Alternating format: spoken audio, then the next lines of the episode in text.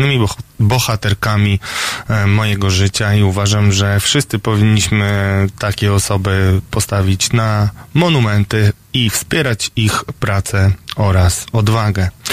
E, dobry wieczór. Naszym gościem jest radca prawna pani Beata Bosak-Kruczek. Dobry wieczór panie redaktorze, dobry wieczór państwu.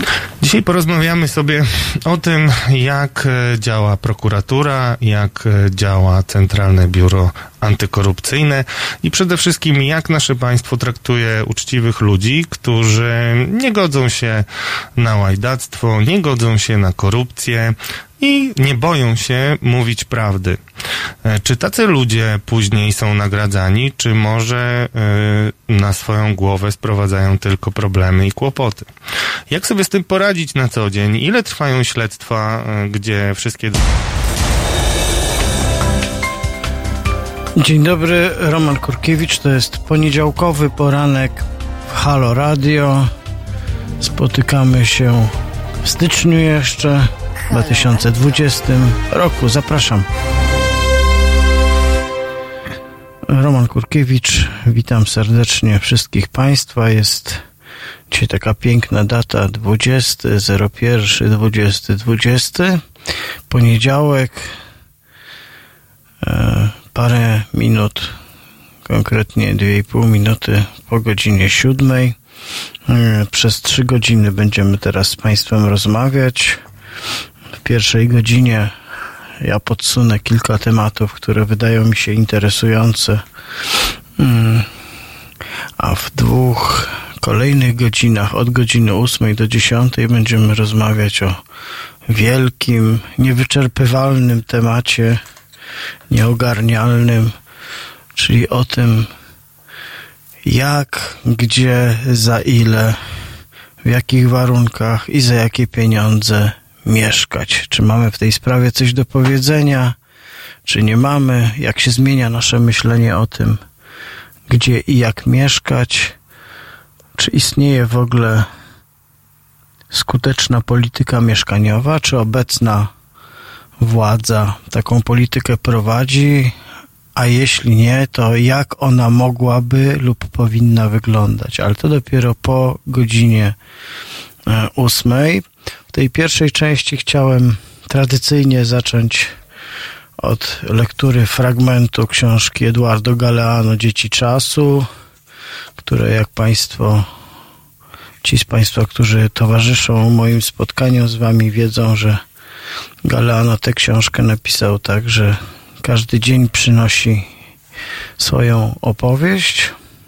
No i przeczytałem teraz Państwu no, z tej książki przetłumaczonej przez Katarzynę Okrasko e, fragment opatrzony tytułem 20 stycznia i pod tytułem Święty Wąż.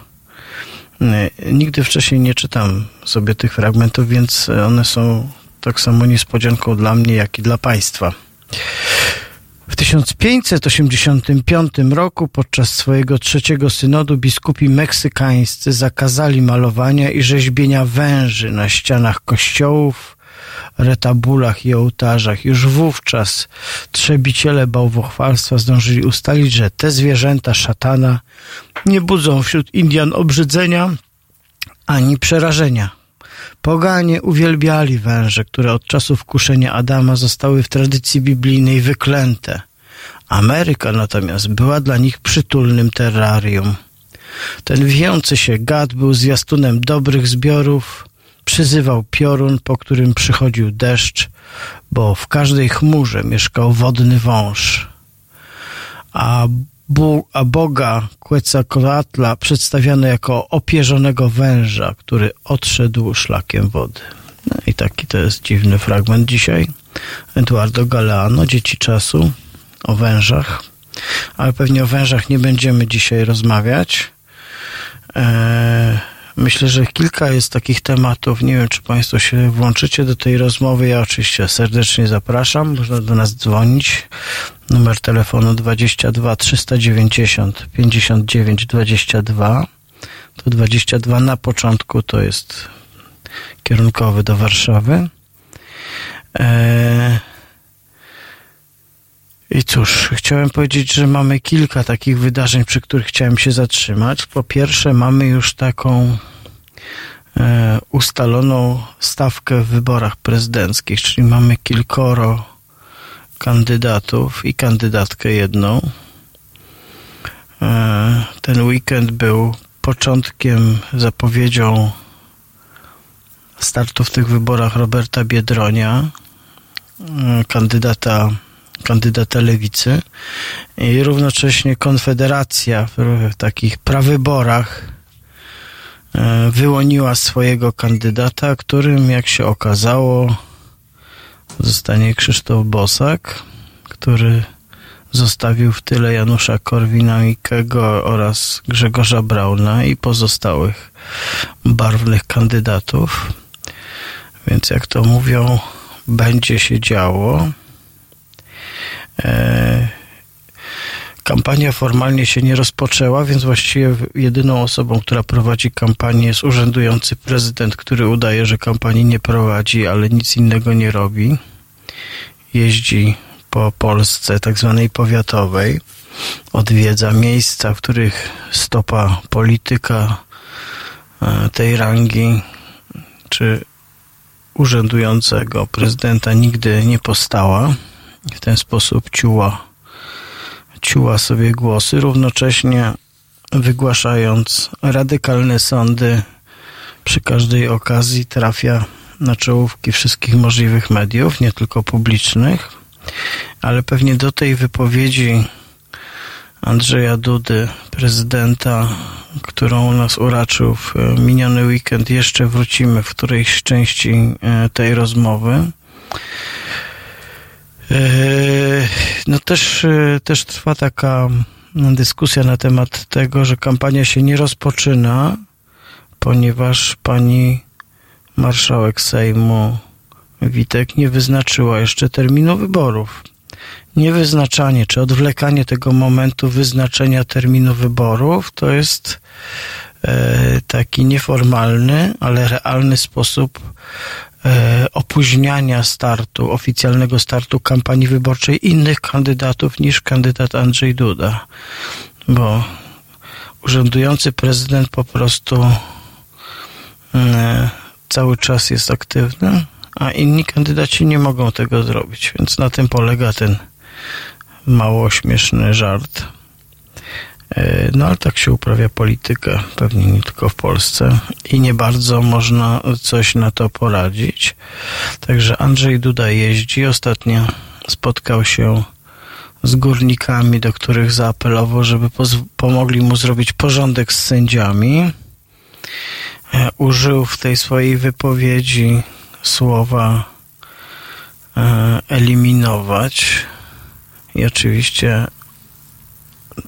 będziemy teraz słuchać tłumaczeń, że nie chodzi o eliminowanie, że chodzi o przenośnie, chodzi o to, żeby sędziowie, którzy naruszają godność zawodu, po prostu powinni być dyscyplinowani, po to jest służba Izba Dyscyplinarna w Sądzie Najwyższym, która z kolei według wszystkich interpretacji prawa jest sama w sobie po prostu nielegalna. No i taką, w taką zabawę się bawimy. Ta zabawa się nie skończy. Na stole jest zbyt y, wielka stawka.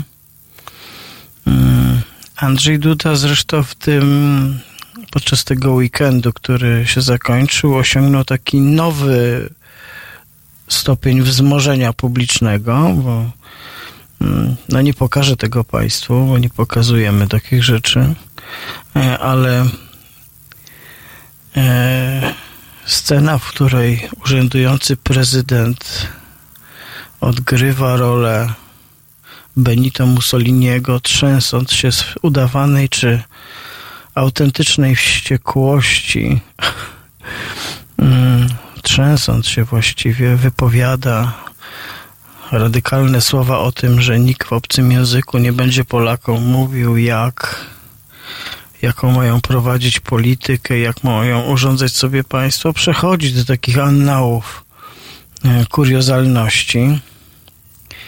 E, Naprawdę, jeśli Państwo tego nie widzieliście, to warto poszukać i ten kilkudziesięciosekundowy fragment po prostu sobie obejrzeć, bo to jest niezwykłe.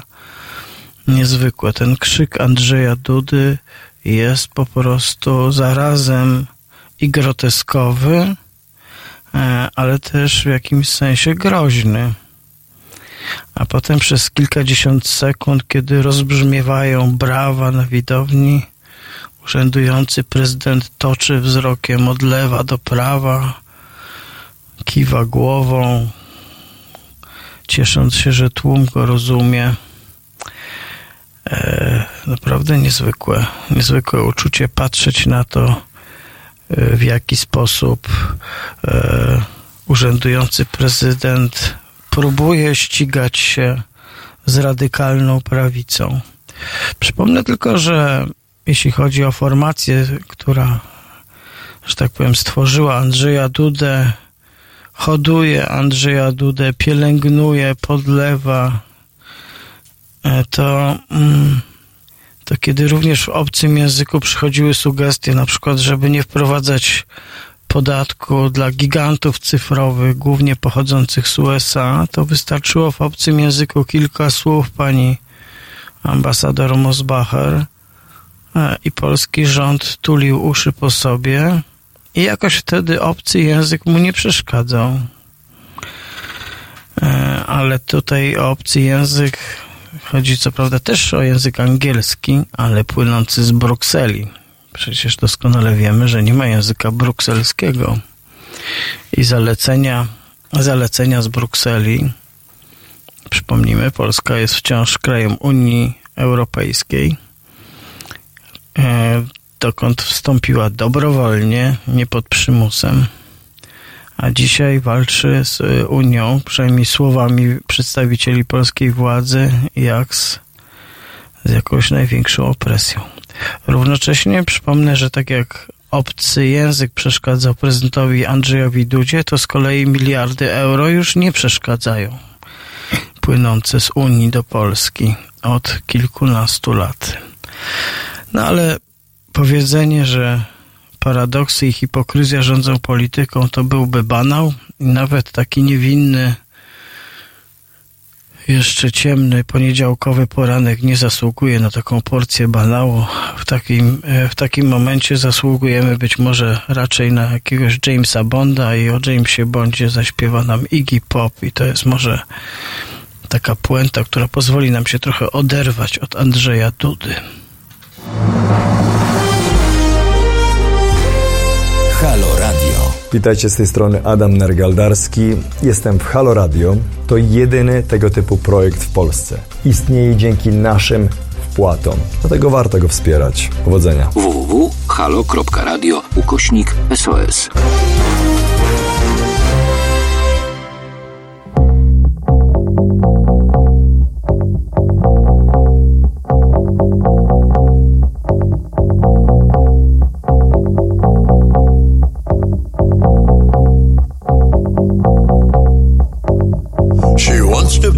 James Bond. She wants to be your James Bond. Well, it's not for a price, and it's not to be nice. She wants to be your James Bond. She wants to be your James Bond. She wants to be your James Bond. She might stand in your way, but still she'll save the day. She wants to be your James Bond. James Bond. She walks like him, talks like him too. She can suss out the spy, even if it's you. She trusts no one, not even herself. She makes no sudden moves chalks it up to stealth. She wants to be your James Bond. She wants to be your James Bond. Well, it's not for a price, and it's not to be nice. She wants to be your James Bond. She wants to be your James Bond. She wants to be your James Bond. She might stand in your way, but still she'll save the day. She wants to be your James Bond.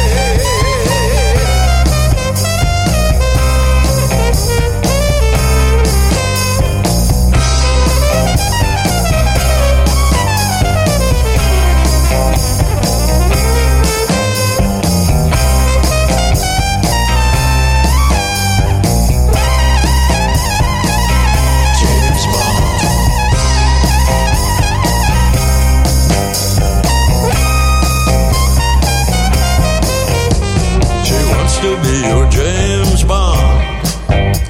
She wants to be your James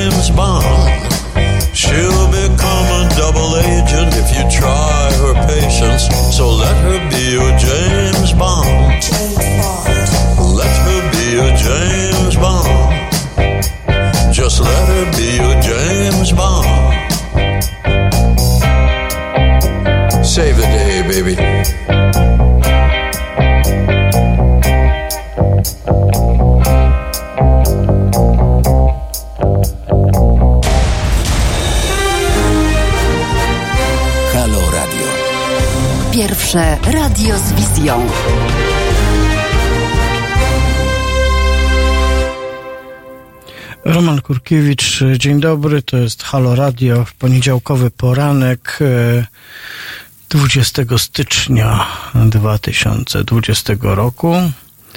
E, Rozmawiamy od rana, no przez chwilę trochę opowiadałem o wyskokach prezydenta Andrzeja Dudy, który e, prowadzi swoją tajną kampanię wyborczą już, prezydencką, bo może to robić jako tak zwany prezydent i wykonuje swoje różne działania.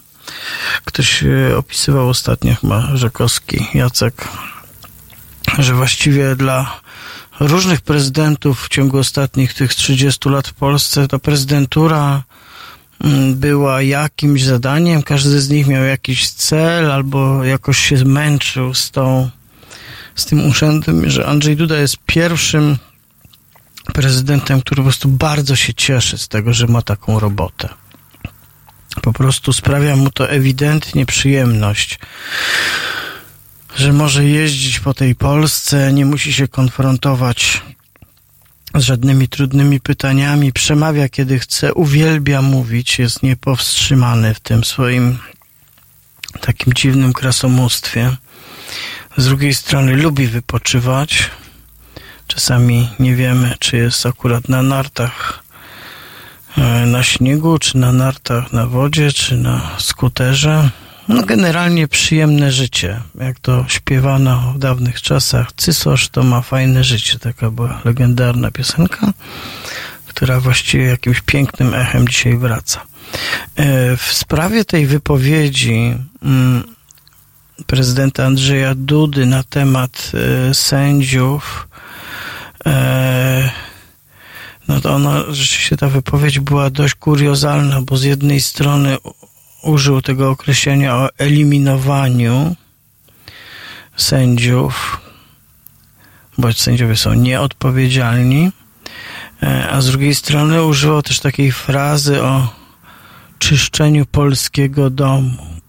Wszystko to są takie zwroty i sformułowania, które znamy z historii, z takiej retoryki wczesnofaszystowskiej.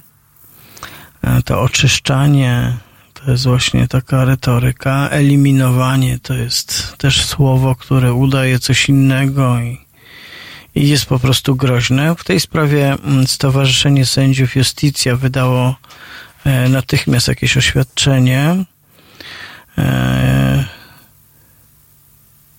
E, e, sędziowie, sędziowie powiedzieli, że po prostu sposób, w jaki wyraża się prezydent Andrzej Duda, to jest e, regularna mowa nienawiści.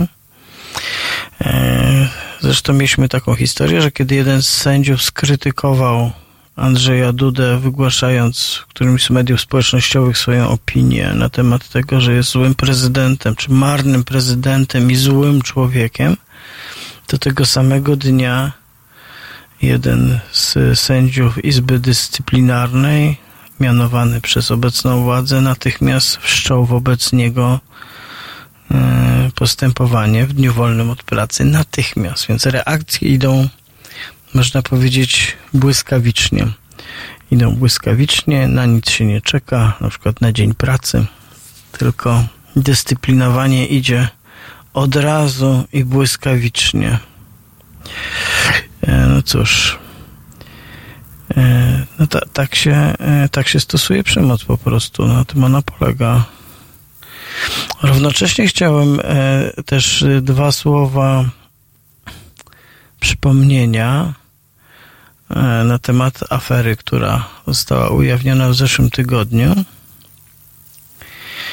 E, związanej z legendarną instytucją, taką sztandarową instytucją Prawa i Sprawiedliwości, czyli Centralnym Biurem Antykorupcyjnym, w którym ostatnio mieliśmy dymisję dwóch bardzo wysoko postawionych funkcjonariuszy, e, ponieważ okazało się, że z kasy CBA zniknęła żywa gotówka.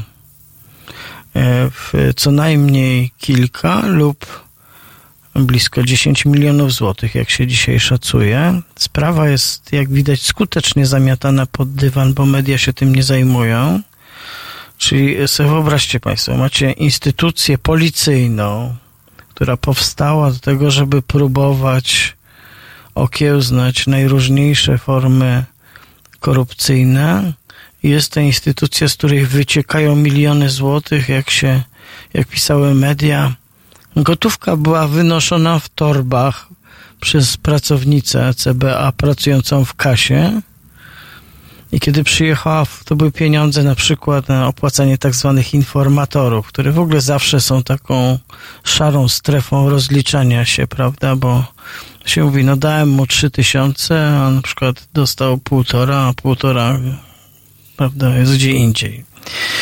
No w każdym razie taki budżet jest, te pieniądze przyjeżdżają najpierw z Narodowego Banku Polskiego, a potem jak się ich nie wyda, jak informatorzy nie chcą informować, to się im nie płaci i wtedy na koniec roku się oddaje te pieniądze. I w tym roku, jak cięż, taka furgonetka przyjechała po pieniądze, to się okazało, że e, pokoik z kasą jest otwarty, a kasa jest pusta.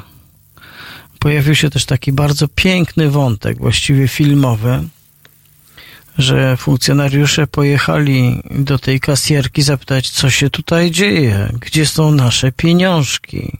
To kasjerka powiedziała, że on teraz ma wolne, bo są święta i zajmuje się dziećmi, żeby sobie poszli. No i co zrobili funkcjonariusze? No sobie poszli. No sobie poszli. Eee, do dymisji teoretycznie podał się szef CBA, pan Bejda, jeden z najbardziej zaufanych funkcjonariuszy PiSu, współpracownik Mariusza Kamińskiego, no ale Mariusz Kamiński oczywiście nie przyjął tej dymisji, bo tak naprawdę dymisja Bejdy oznaczałaby, że, że sam Mariusz Kamiński po raz kolejny udowadniając swoją absolutną nieprzydatność do pełnienia funkcji, którą pełni, powinien się podać do dymisji, a na to w tym okresie przedwyborczym, przed wyborami prezydenckimi PiS sobie pozwolić nie może.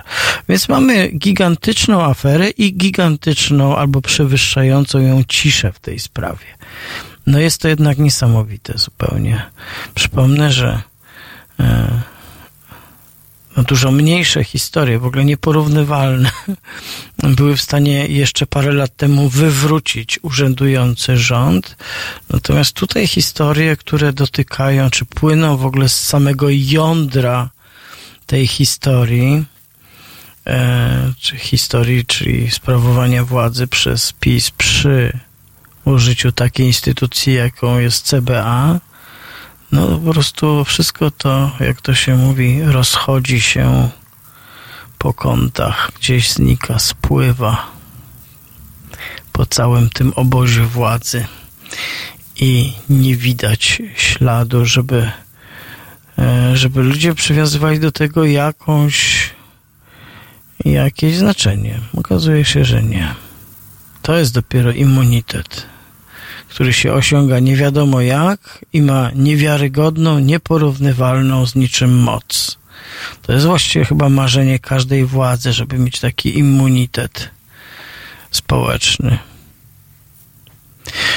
Więc kasa w CBA jest pusta. To jest też zła informacja dla informatorów. Chłopaki, dziewczyny, nie będziecie dostawać teraz pieniędzy, bo zanim oni to wyjaśnią i zanim przyjdzie nowa gotówka, to będą cięcia. Boże, jak to służba sobie poradzi. Nie wiem, nie wiem. Najważniejsze jest zaangażowanie. Więc może tym zaangażowaniem teraz, może ideowo po prostu będziecie Państwo donosić teraz do CBA z poczucia identyfikacji z państwem polskim, z prezydentem, no więc tak, trzeba było zaatakować sędziów, bo teraz media zajęły się sędziami, a CBA po cichutku, prawda, będzie teraz szukało pieniędzy, które wynoszone były w reklamówkach. jest piękna figura. Zresztą przypominam sobie, to nie jest taka figura obca polskim służbom, bo kiedy e, ujawniono historię, że w związku z e, gościną, jakiej polskie służby udzieliły E, amerykańskiej agencji CIA, żeby stworzyć e, tajne więzienie w Kiejkutach, czyli w szkole wywiadu na Mazurach, to potem Amerykanie w e, takim wyrazie, prawda, współpracy i braterskiej wdzięczności dostarczyli karton z banknotami dolarowymi, też ich było kilka milionów i wyobraźcie sobie Państwo, ten karton zaginął. I te miliony też się rozpłynęły. A mieszkania się kupuje, a domy powstają, prawda? Więc reklamówka i kartony to jest jakby polska forma transferu pieniędzy. No tylko trzeba być odpowiednio wysoko w odpowiednich służbach. No cóż, zobaczymy, e, czy historia z CBA będzie miała jakąś kolejną odsłonę. No, ja myślę, że jak, że jak nie teraz, to może kiedyś jednak, że takie sprawy muszą wrócić, muszą wrócić. Ale to znaczy też, że ta pętla się gdzieś zaciska nieprzyjemnie, bo to już są konkretne zarzuty, za które grożą bardzo konkretne wyroki, już liczone w latach. Bo tu już nie chodzi o odpowiedzialność polityczną, tylko chodzi po prostu no, o ewidentną kradzież, krycie tej kradzieży albo niepanowanie nad tym, tak? Znaczy biuro, z którego można wynieść. Nie wiem, czy Państwo znacie, może gdybyście Państwo znali jakieś takie miejsce, czy biuro, z którego można bezkarnie wynieść no nie musi być od razu 5 milionów, no niech powiedzmy milion niech będzie. Dobra, no niech będzie 100 tysięcy, bo ja tylko słyszę, że nie można wynieść batoniku ze sklepu, że to jest e, gigantyczne przestępstwo ale mm, ja chętnie bym wiedział. W Halo Radio chyba nie mamy nawet kasy pancernej, więc nie da się wynieść. E, no cóż, cóż, marzenia tak zwanej ściętej głowy, no ale jest w końcu poniedziałek, bardzo wcześnie rano. E, rzeczywiście, może dobrym rozwiązaniem jest to, o czym będzie śpiewał teraz dla nas wszystkich Zbigniew Wodecki, żeby zacząć od Bacha. No to zacznijmy od Bacha, a nie od CBA. Zresztą zobaczcie, Bach i CBA, dużo podobnych słów, tych liter.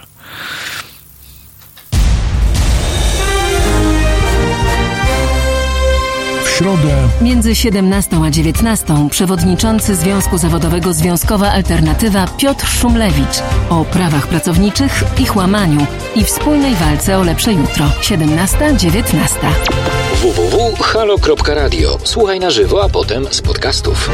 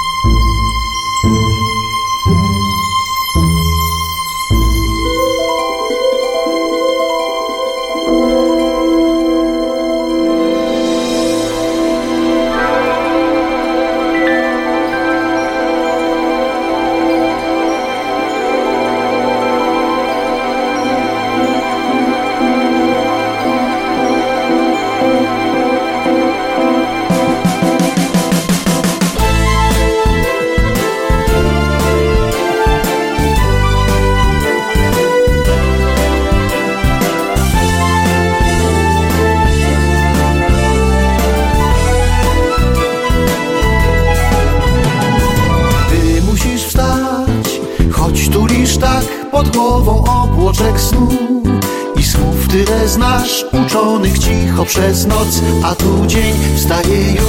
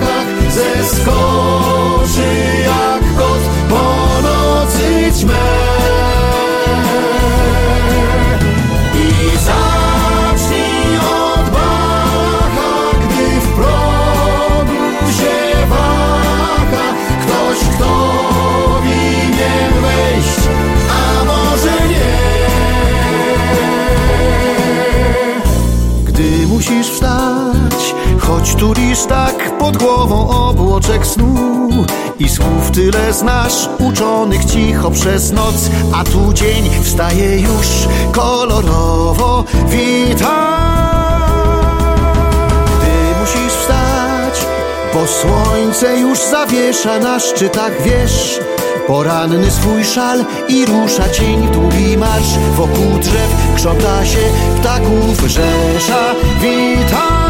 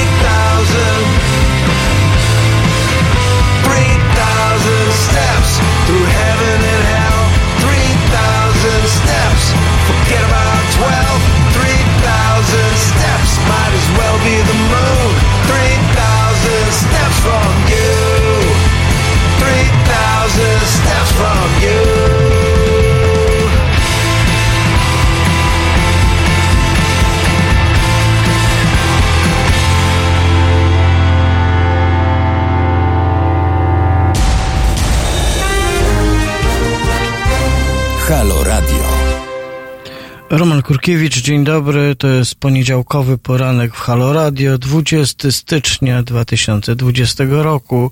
No tak powtarzam to bardzo często, żeby się przyzwyczaić, że, że się zmieniło. E, to zresztą jest taka data, muszę ją pamiętać. Właśnie skończył mi się dowód osobisty i teraz chyba będę miał takie z liniami papilarnymi, ze, ze skanem tej, jak to ona się tam nazywa, źrenicy, czy w ogóle oka i będą mnie śledzić wreszcie. E, no i cóż, już jest jasno, strażacy na razie nie wyjechali, chociaż już podnieśli te, podnieśli, prawda? Podnieśli swoje bramy. Wiecie Państwo, my tu obserwujemy cały czas aktywność naszych strażaków, ale nie pali się nie pali się. Więc tak, y, no na razie nikt z Państwa nie dzwoni, żeby się podzielić uwagami na temat tych nudnych wątków, które poruszyłem, chociaż one są ważniejsze niż mogłoby nam się wydawać, tak naprawdę.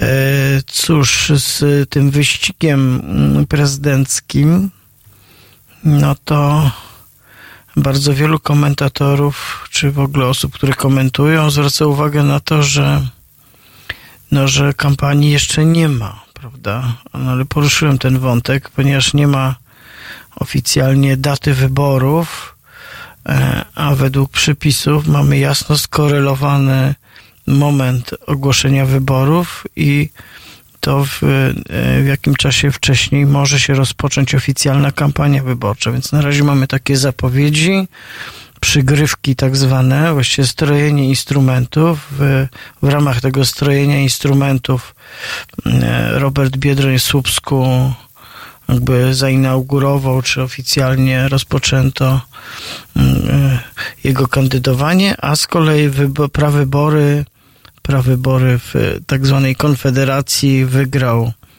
Krzysztof Bosak. No cóż, komentarze są w sprawie Krzysztofa Bosaka proste. On tych wyborów wygrać nie może, natomiast może znacząco odebrać głosy Prawu i Sprawiedliwości i równocześnie, co jest najważniejszym efektem i jego startu, i właściwie każdego wyniku, który, który tam wyszarpie, chyba że to będzie wynik poniżej, nie wiem, 3%, poniżej no coś takiego, to właściwie każdy jego wynik jest sukcesem, ponieważ no to jest wprowadzenie do takiego instytucjonalnego mainstreamu osoby, która właściwie z racji głoszonych przez siebie poglądów, bo nie wiem czy wyznawanych, wydaje mi się, że Krzysztof Bosak ma sporo takiego pragmatycznego cynizmu swoim podejściu do polityki. Wie, że to jest sfera nie zagospodarowana, taka skrajna prawica, a która potrzebuje młodego, prawda, chłopaka. No nie taki młody, bo ma 40 lat. Młodego kawalera, ale u nas, jak widać, kawalerowie mogą e, zrobić sporą karierę w polityce. E, i, I właściwie każdy wynik Bosaka będzie dla niego gigantycznym sukcesem, ponieważ umocni go w polityce, zbuduje jeszcze jego większą rozpoznawalność, no i w sposób, y, który nie przynosi ze sobą żadnych konsekwencji, pozwala mu taka kampania wyborcza na urząd prezydenta głosić poglądy, które tak naprawdę nie mieszczą się w ogóle w akceptowalnej przestrzeni. No ale cóż, taka to jest ta zabawa, w której bierzemy, w której to bierzemy e, udział. Tak, ja też wszystkich Państwa pozdrawiam, którzy tutaj nas słuchacie, e, oglądacie i, i towarzyszycie nam. E, pytanie o felietony w Halo Radio myślę, że trzeba kierować do ojca dyrektora, e, czyli Kuby Wątłego. O, jedna straż pożarna już włączyła niebieskie szklanki i nawet syreny, czyli po prostu na pełnej mocy e, wyjechała na interwencję, ale tylko jeden na razie, czyli mała interwencja, mały pożar, ale ważny. Trzymamy kciuki za strażaków. Właściwie czasami w życiu się zastanawiam, dlaczego jednak nie zostałem strażakiem. Dzisiaj żałuję bardzo. Przecież byłem w dzieciństwie po pod wielkim wrażeniem lektury, jak Wojtek został strażakiem. No, potoczyło się inaczej. Może dlatego, że kiedy mogłem podejmować taką decyzję, to właśnie wtedy władza pacyfikowała Wyższą Szkołę Pożarnictwa w Warszawie na Żoliborzu przy użyciu komandosów i e, z użyciem helikopterów podczas słynnego strajku w 80 roku, 81. 81.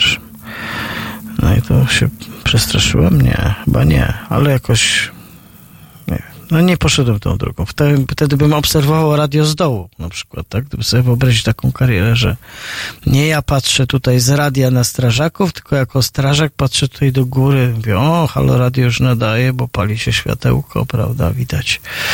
No mniejsza z tym, to są chyba rzeczywiście to są tak, właściwie zatęskniłem za tą piosenką. Cysarz to ma klawę życie. Chyba poproszę, poproszę naszą koleżankę, która zajmuje się muzyką, żeby może wrzucić ją do playlisty i kiedyś ją wysłucham. To jest taka piosenka, która naprawdę bardzo pasuje e, do, e, do naszego lekko opuchłego prezydenta. Nawet narty mu nie pomagają ostatnio. Ale naprawdę ten moment, kiedy ta jego twarz się trzęsie, wzrok toczy, pozebranych, e, kiedy peroruje o sędziach i o językach obcych i o tym, że Polsce nie będą wydawane żadne rozkazy. Naprawdę jest to przeżycie, którego, jak to się mówi, nie da się odzobaczyć. Jak się raz zobaczyło, to się nie da już odzobaczyć. I rzeczywiście boję się, że to może mi się przyśnić kiedyś. Tylko wiecie, jak to jest w snach. Coś, co normalnie może być śmieszne i kuriozalne w śnie, nagle może być przerażające. I może być ciężko się od tego oderwać. Potem i można się przestraszyć. No cóż zrobić, cóż zrobić. Ochotnicza Straż Pożarna. No ja wiem, że jest Ochotnicza Straż Pożarna, ale ja już chyba przekroczyłem smugę cienia wiekową. E, tutaj mnie Państwo pocieszacie, że można nie tracąc nadziei na zawodową służbę, jednak się ochotniczo zaciągnąć. No tak, tak. To prawda. To świetne chłopaki. E, zresztą w ogóle jak w ciągu ostatnich lat miałem kilkukrotnie okazję E, z strażakami mieć bliższy kontakt podczas jakiejś interwencji, to byłem pod dużym wrażeniem tego, jak e, dobrze, spokojnie i właściwie bardzo profesjonalnie funkcjonują i bez zbędnych słów. Bez zbędnych słów.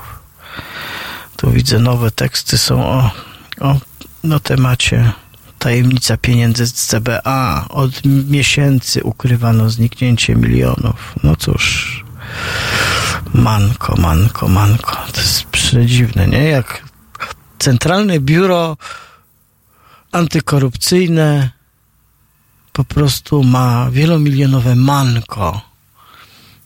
Manko to jest takie pojęcie, prawda, tego niedoboru w takiej kasie w małym sklepie, że tutaj sprzedawczyni, kasjerka, kasjer gdzieś wzięli na boku parę stówek, bo im nie, nie starczało do pierwszego, a tutaj kasjerka wyciągnęła miliony.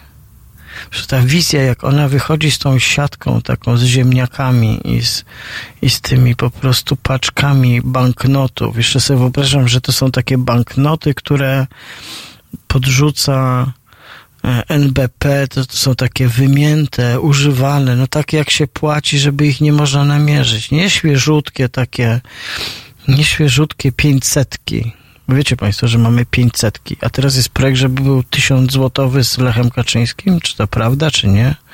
Może mi się już miesza, może mi się przyśniło, ale to by było coś, nie? No i chociaż tam sami królowie. No ale właściwie Lech Kaczyński im pasuje, bo leży na Wawelu właściwie jak król, więc w sumie mógłby być na banknocie. Ale to nie są takie nowiutkie 500 w takich, w tych paczkach takich obanderolowanych, takie wymięte stówki, pięćdziesiątki, nie? To chyba operacyjnie, ja się co prawda nie znam na pracy operacyjnej, tak sobie wyobrażam, że informatorom trzeba płacić w używanych. Jak każda porządna gangsterka chce w używanych, to informatorzy CBA też moim zdaniem powinni chcieć w używanych. Ale ile te roboty, to właściwie codziennie trzeba coś wynosić. Bo jak w tych pięćsetkach, to dosyć szybko się uzbiera. Ale w takich drobniejszych banknotach no i tak chciałem mówić o wielkiej polityce, wielkich ideach, a zostałem przy wymiętych pięćdziesiątkach. I tak to się kończą właśnie takie, takie rozmowy. No, generalnie w ogóle no, polityka jest y, niejednokrotnie śmieszna, niejednokrotnie wesoła, niejednokrotnie kuriozalna. Jak to mówił wielki filozof, że historia dramat powtarza się już jako farsa. No i tutaj też. No prawdę mówiąc, jest kilka takich cudownych instytucji do rozwiązania, moim zdaniem, jeśli kiedyś zmieni się władza, a wierzę głęboko w to, że się zmieni, bo każda się zmienia. To to CBA, to wydaje mi się, to jest taki pierwszy strzał, znaczy nie, właściwie drugi, po IPN-ie. Najpierw IPN, cały do kosza, a potem CBA. Nie wiem, co Państwo sądzicie o tym, ale mi się wydaje, że to jest, tak by to właśnie powinno wyglądać. No a za te miliony wyniesione w siatkach, to co? No to do paki, od siatka. Siatka, może to, co się upiekło Mariuszowi Kamińskiemu, jego współpracownikom, kiedyś przyjdzie innym tropem. Przypomnijmy, że Al Capone też nie siedział za morderstwa, wymuszenia, rabunki, tylko za przestępstwa podatkowe. No to, to jest zasiadki z gotówką. Tak, mamy, mamy y, telefon. Dzień dobry. Halo? Dzień dobry. Dzień dobry. No chciałam powiedzieć, że e, jestem troszeczkę zaskoczona biernością naszej opozycji. Dlaczego nie, nie aktywują wszystkich tych świństw, jakie pisierownia czyni? Przecież to na każdym kroku widać i wszystko się przechodzimy do tego na, na, do, na porząd, do porządku dziennego. Oni najmniejsze, najmniejsze, najmniejsze świństwa e, pokazują, a, a my takie przekręty ich. To, to jest niesamowite. Aż, aż, aż się płakać chce, jak człowiek patrzy i, i taki ziobro pluje w twarz wszystkim. E, k- e, Konus, mały, mały dziad, że tak powiem. No. I on Ja tutaj, wie generalnie zgadzając się z linią pani ataku politycznego, z drugiej strony właściwie powiem tak, że e, argument e, z wyglądu nie jest najlepszym argumentem e, politycznym, chociaż sam powiedziałem, że prezydent jest opuchły, ale no to była próba, próba pewnego opisu. Zbigniew Ziobro nie jest taki mały wcale, wie pani, to nie jest, to nie jest niski mężczyzna, więc też jego, że tak powiem, głównymi wadami w życiu nie jest jego wygląd, chociaż wie pani, jak to jest z wyglądem, no jednym się podoba... o, przepraszam, może ja, może ja źle to ujęłam. Tu nie chodzi o wygląd fizyczny, tylko chodzi o, o, o pojemność mózgu, no bo A wie pani co, tu bym też nie lekceważył, bo, bo śmichy, chichy, No tak. ale przy tym powiedziałbym takim topornej formie aktywności można powiedzieć, że w sposób bardzo skuteczny e, udaje się te cięgi na przykład wymiarowi sprawiedliwości czy całemu systemowi e, politycznemu wymierzać.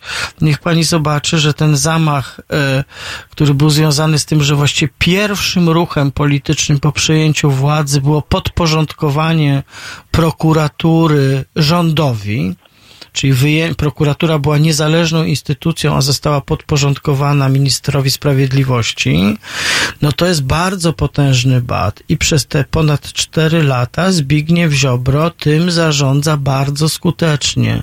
I tym strachem, i przemocą, i nadużywaniem władzy, więc to też jest tak, że Oprócz, to nie jest oczywiście wielka intelektualna przygoda, ale jeśli chodzi o polityczną sprawczość, e, no to Zbigniew Ziobro e, jest dobrym człowiekiem w dobrym miejscu, w dobrym momencie, bo to znaczy, trzeba że- mieć pewien rodzaj absolutnego braku zahamowań, żeby coś takiego zrobić. No oczywiście i dlatego to jest tym bardziej smutne, że, że, że taka marna gnida, przepraszam, tak się wyrażę, bo inaczej nie można o tym... O tym Nie, że- nie, nie, to ja Wie powiem pan, tak, można, nie, bardzo bym prosił. Wie pani co, powiem tak, no, ten język e, związany z robactwem wobec e, osób, No których... też, to to, nie się obraża robactwo. Nie, to- no, ale jakby nie sto... Nie, nie, nie jakby, by, ch- chyba jednak bym apelował, żeby go nie stosować. Znaczy, y, Zbigniew Ziobro robi wys, wystarczająco dużo odstręczających rzeczy jako człowiek i polityk, żeby, żeby, żeby nie musimy się posuwać do takich metafor. Także, Ma pan rację, tak, przepraszam no, Ale pani, chodzi o- no, Mm? tak. Chodzi mi o to, że skrzywdził tak dużo ludzi, e, tylu lekarzy i, i, i to jest właśnie takie smutne, że, że ktoś taki potrafi zniszczyć na, naszą godność. To jest, to jest wprost nie do pomyślenia. Y, No wie co, do, do pomyślenia to niestety jest, dlatego że to nie pierwszy raz w historii zdarza się taka formuła. Z drugiej strony to też nie jest tak, że Zbigniew Ziobro jest e, tutaj samodzielnym e, podmiotem. Tak naprawdę no, e, nad sobą ma prezesa, który taką osobę do takiego, e, do takiej formy uprawiania polityki wybiera, naznacza i mianuje. Ja przypomnę, że Zbigniew Ziobro był tak zwanym odszczepieńcem, odchodził z Prawa i Sprawiedliwości, Tak, płakał pod pomnikiem. krytykował, a potem został przygarnięty na nowo i wtedy też taka osoba jest bardzo, e, bardzo łatwo nią sterować, bo on musi na nowo udowodnić swoją przydatność i będzie to robił bez e, żadnych skrupułów. Ja tylko przypomnę też, bo pani e, najciekawszy wątek, czy taki, z którym się absolutnie zgadzam, wydaje mi się, o którym warto rozmawiać, który pani podniosła, to jest wątek e, słabości opozycji. E, I takiej bezradności kompletnej, Tak. że ona nie idzie za tym, co ma zrobić. Tu też ważny jest wątek Zbigniewa Ziobro, ponieważ e, kiedy PiS był u władzy w latach 2000, 2005, 2007, no to tak naprawdę na Zbigniewie Ziobrze ciążyła odpowiedzialność za chociażby śmierć Barbary Blidy. Tak. Podczas akcji takiej sterowanej przez najwyższe kręgi władzy odbywały się narady z udziałem e, Ziobry, Kaczyńskiego, zupełnie bezprawne, gdzie podejmowano takie decyzje, czy zakładać jej kajdanki, czy nie zakładać. To jest zupełny kuriozum. I tutaj powiem tak, przez kolejne lata, kiedy PiSowi odebrano władzę, w tej sprawie e, po prostu nie wyciągnięto żadnych konsekwencji. Nie. I płacimy za to gigantyczną cenę też dzisiaj. Gdyby wówczas postawiono Zbigniewa Ziobrę przed Trybunałem Stanu albo. Jarosława Kaczyńskiego, co można było zrobić i trzeba było to zrobić od razu, tak się, mm, tak się by dzisiaj nie działo. Przypomnę też, że kiedy ja dzisiaj mówię o CBA, no to wówczas też e, mieliśmy e, e, tutaj kilka takich wątków. Na przykład premier Donald Tusk zostawił e, na stanowisku szefa CBA Mariusza Kamińskiego przez ponad rok, Tak. który zresztą też wówczas, wówczas przygotował całą ekipę, która Tak. później przygotowała aferę podsłuchową, więc tak naprawdę ten głos o opozycji wydaje mi się bardzo celny. W najnowszym opozycja tygodniku się- Przegląd jest wywiad dokładnie na ten temat z, e, mm, z Pawłem Kasprzakiem, z obywateli RP. E, Właśnie pod takim hasłem, że po prostu opozycja jest. Opozycja w przeciwieństwie do polskich niedźwiedzi śpi smacznie. Bo polskie niedźwiedzie nie zasnęły, bo nie ma zimy, ale opozycja śpi po prostu snem, jak to się mówi, sprawiedliwego.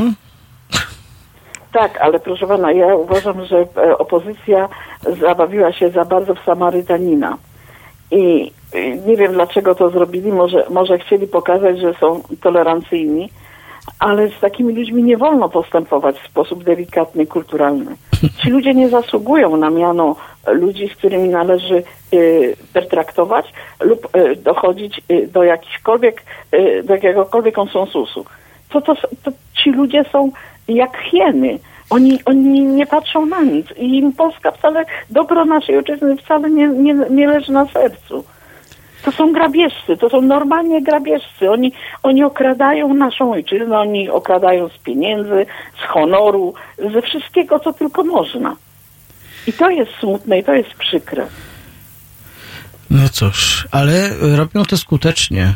No robią skutecznie No. i, i, i że, że, że na to nie ma sposobu. Dlaczego ludzie nie wyjdą na ulicę? Dlaczego potrafiliśmy dawniej, ja nie jestem młodą kobietą, potrafiliśmy y, dawniej w Solidarności 10 milionów nas być i wyjść na ulicę i, i taki rząd obalić. A tutaj taką klikę marną, bo to jest marna klika oszustów. I, i, i, i ich nie można przepędzić? E, no, wie pani co, no.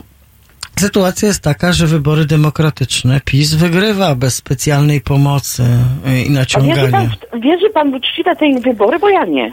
Bo ja nie wierzę. no. Proszę pana, ja, jestem, ja mieszkam w Niemczech i, i proszę sobie wyobrazić, że wiem doskonale, jakie poparcie miało e, Koalicja Obywatelska w wyborach, a, a PiS zszedł na margines. Z kimkolwiek by pan nie porozmawiał. Kolejki były przeogromne.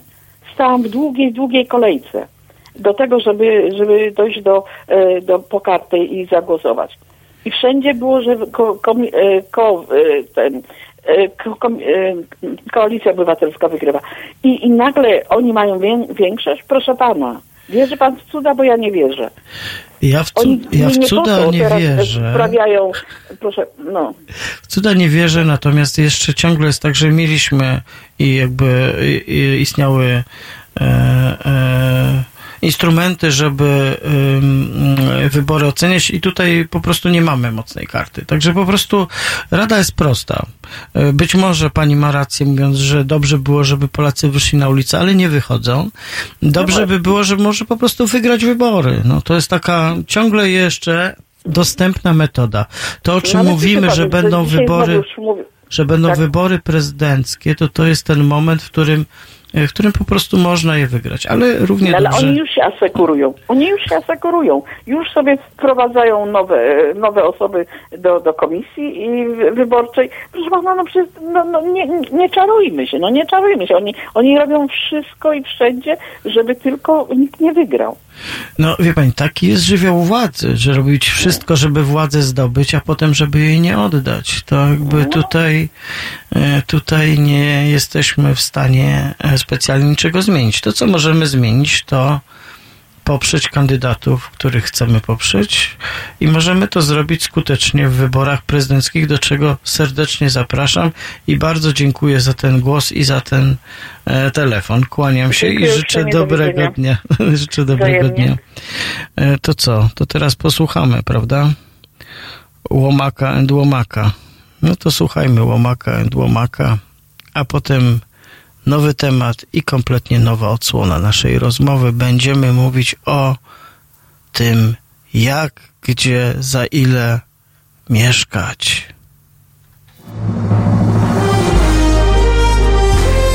Halo Radio. Nazywam się Adam Bodnar, pełnię funkcję Rzecznika Praw Obywatelskich. Szanowni Państwo, zachęcam Państwa do wspierania Halo Radio. Każda złotówka się liczy, każda wpłata, darowizna, stałe zlecenie na koncie. Ja również co miesiąc wspieram Halo Radio. Zachęcam Państwa również do tego samego. www.halo.radio ukośnik SOS.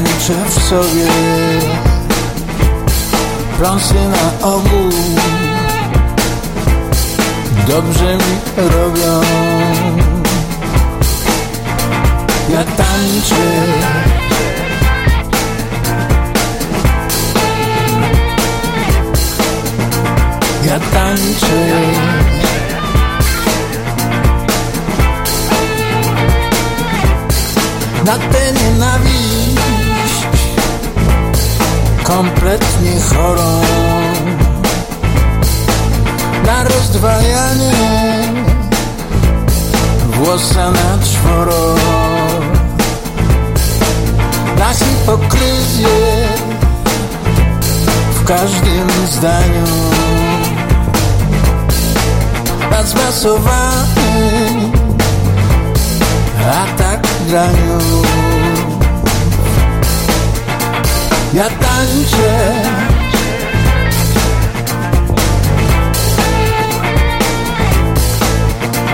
Ja tańczę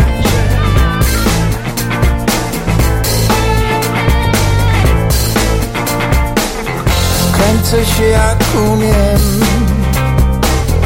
Unikając tłoku Unikając tłumu. Delikatnym amoku Ruszam się nienachalnie choć dość swobodnie, by się odnaleźć jakoś tym godnie. Ja tańczę.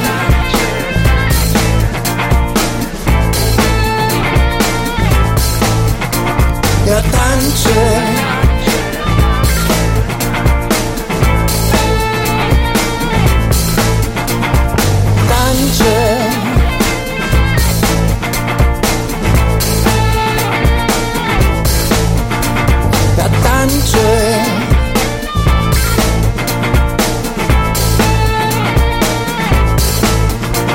Ja tańczę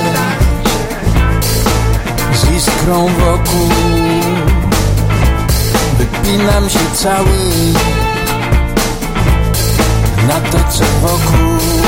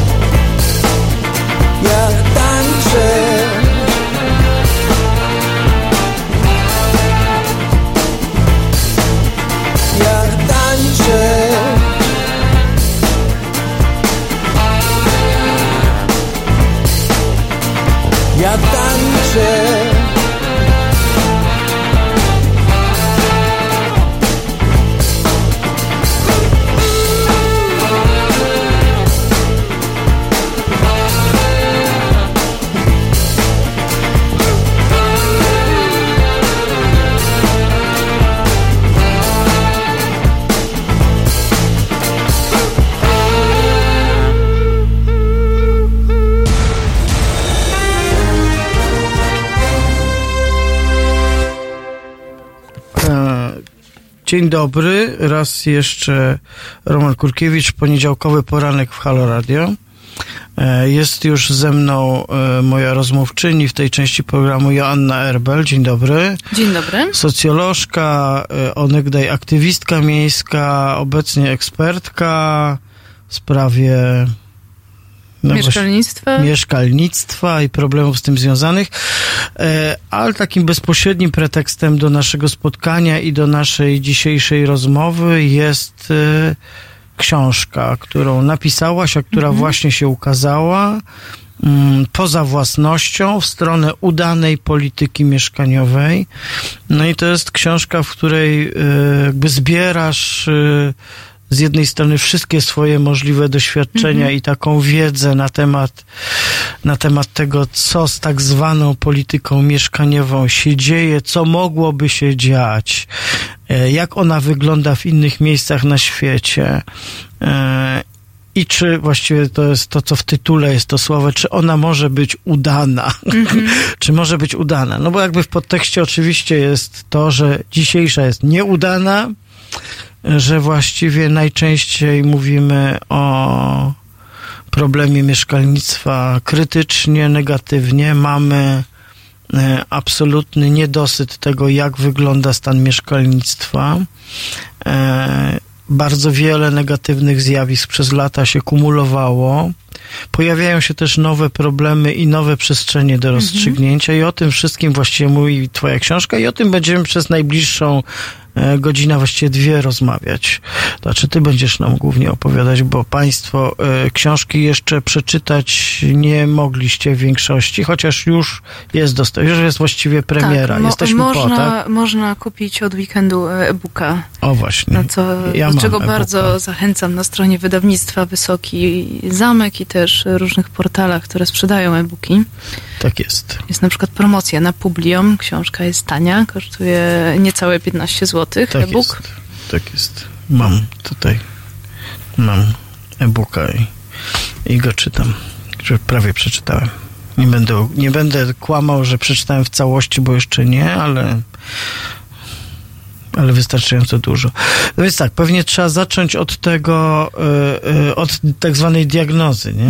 Bo też jakby jesteś osobą, która przez lata była związana z różnymi aktywnościami, takimi jak ruch lokatorski, e, ale też ruchy miejskie. Tak, ja polityką mieszkaniową zaczęłam się zajmować w ramach Kongresu Ruchów Miejskich.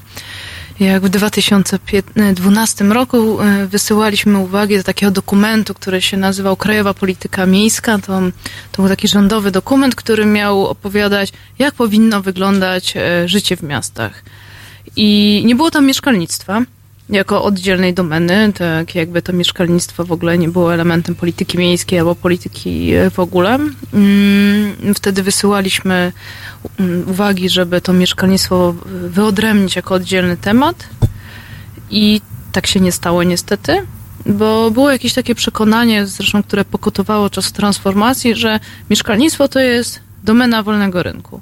Trochę tak, jakbyśmy mieli sobie kupować mieszkania na tej samej zasadzie, jak kupujemy sobie samochody, a nie na tej zasadzie, w jakiej korzystamy z transportu publicznego. No i potem y, przez y, kolejne lata zajmowałam się tym mieszkalnictwem, koordynowałam pracę też nad polityką mieszkaniową y, Warszawy, Mieszkanie 2030, a teraz pracuję przy realizacji programu Mieszkanie Plus. Dobrze, do tego to dojdziemy. Jakby to jest bardzo ciekawy wątek tego, jak też em, takiej, bo to, to też zresztą widać w twojej książce. Powiedziałbym tak, że to y, w książce jest taki zapis zmiany twojej świadomości. To znaczy, że kiedy e, zajmujesz się koncepcyjnie, czy krytycznie, czy postulatywnie takimi zagadnieniami, to y, i operujesz innym językiem, inaczej myślisz, kiedy, niż wtedy, kiedy właściwie zaczynasz pracować nad e, konkretnym projektem, nad czymś, co jest bardzo realne, osadzone e, po prostu w materii już, tak? Dla mnie takim przełomem była praca nad polityką mieszkaniową dla Warszawy, no bo e, wtedy już nie byłam osobą, która lewicową aktywistką, która walczy przede wszystkim o interesy osób, które są w najtrudniejszej sytuacji, czyli osób, które są eksmitowane, osób, które są ofiarami procesów reprywatyzacji, tylko musiałam sobie zadać pytanie, w jaki sposób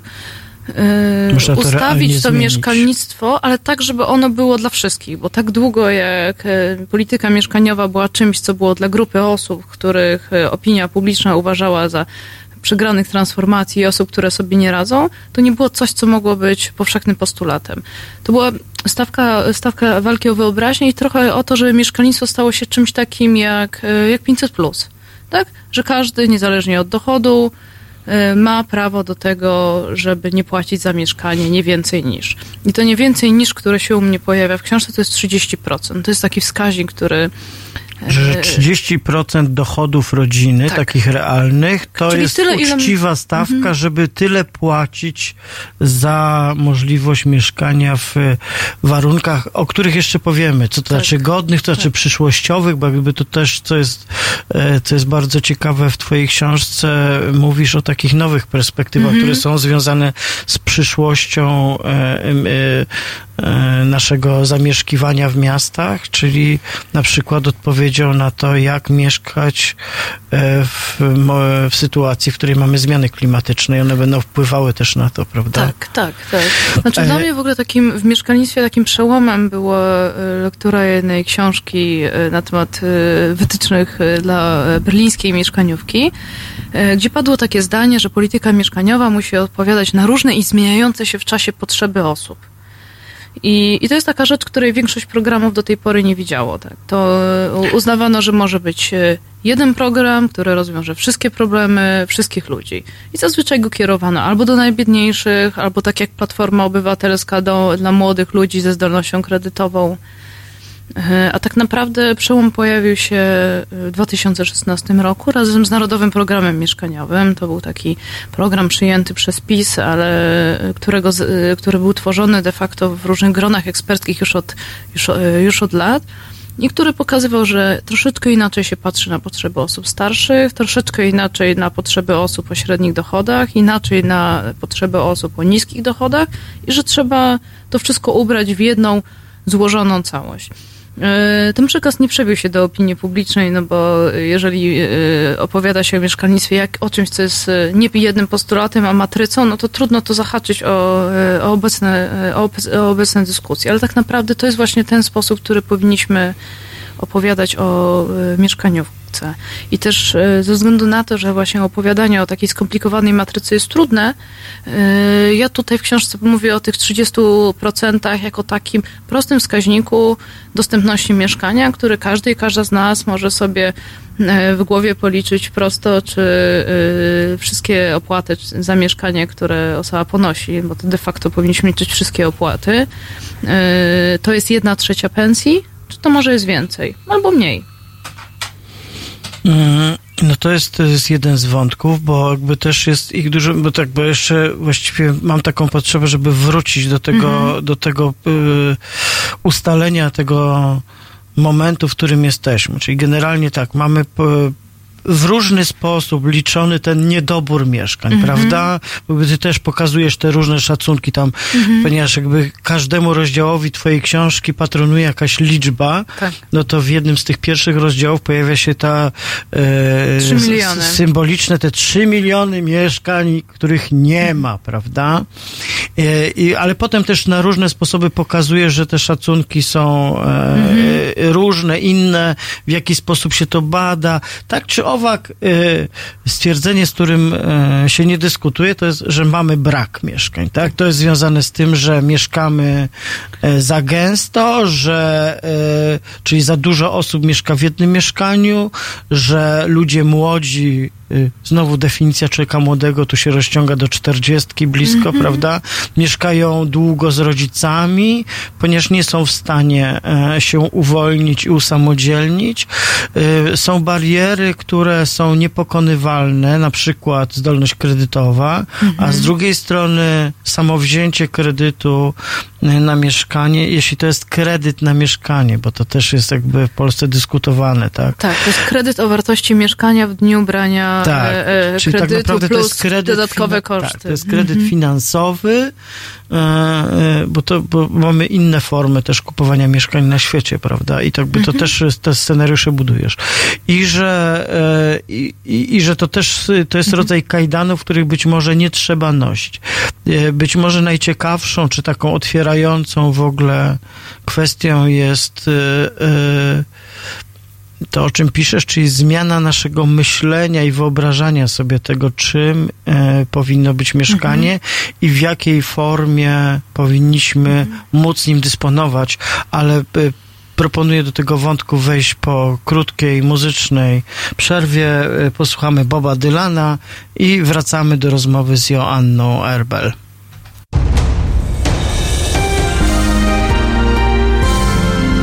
W czwartek od 21 do 23 telefony od Państwa odbiera Roman Kurkiewicz. Rozmowa, dialog, zrozumienie i żadnej agresji. 21-23. Zapraszamy. www.halo.radio. Słuchaj na żywo, a potem z podcastów.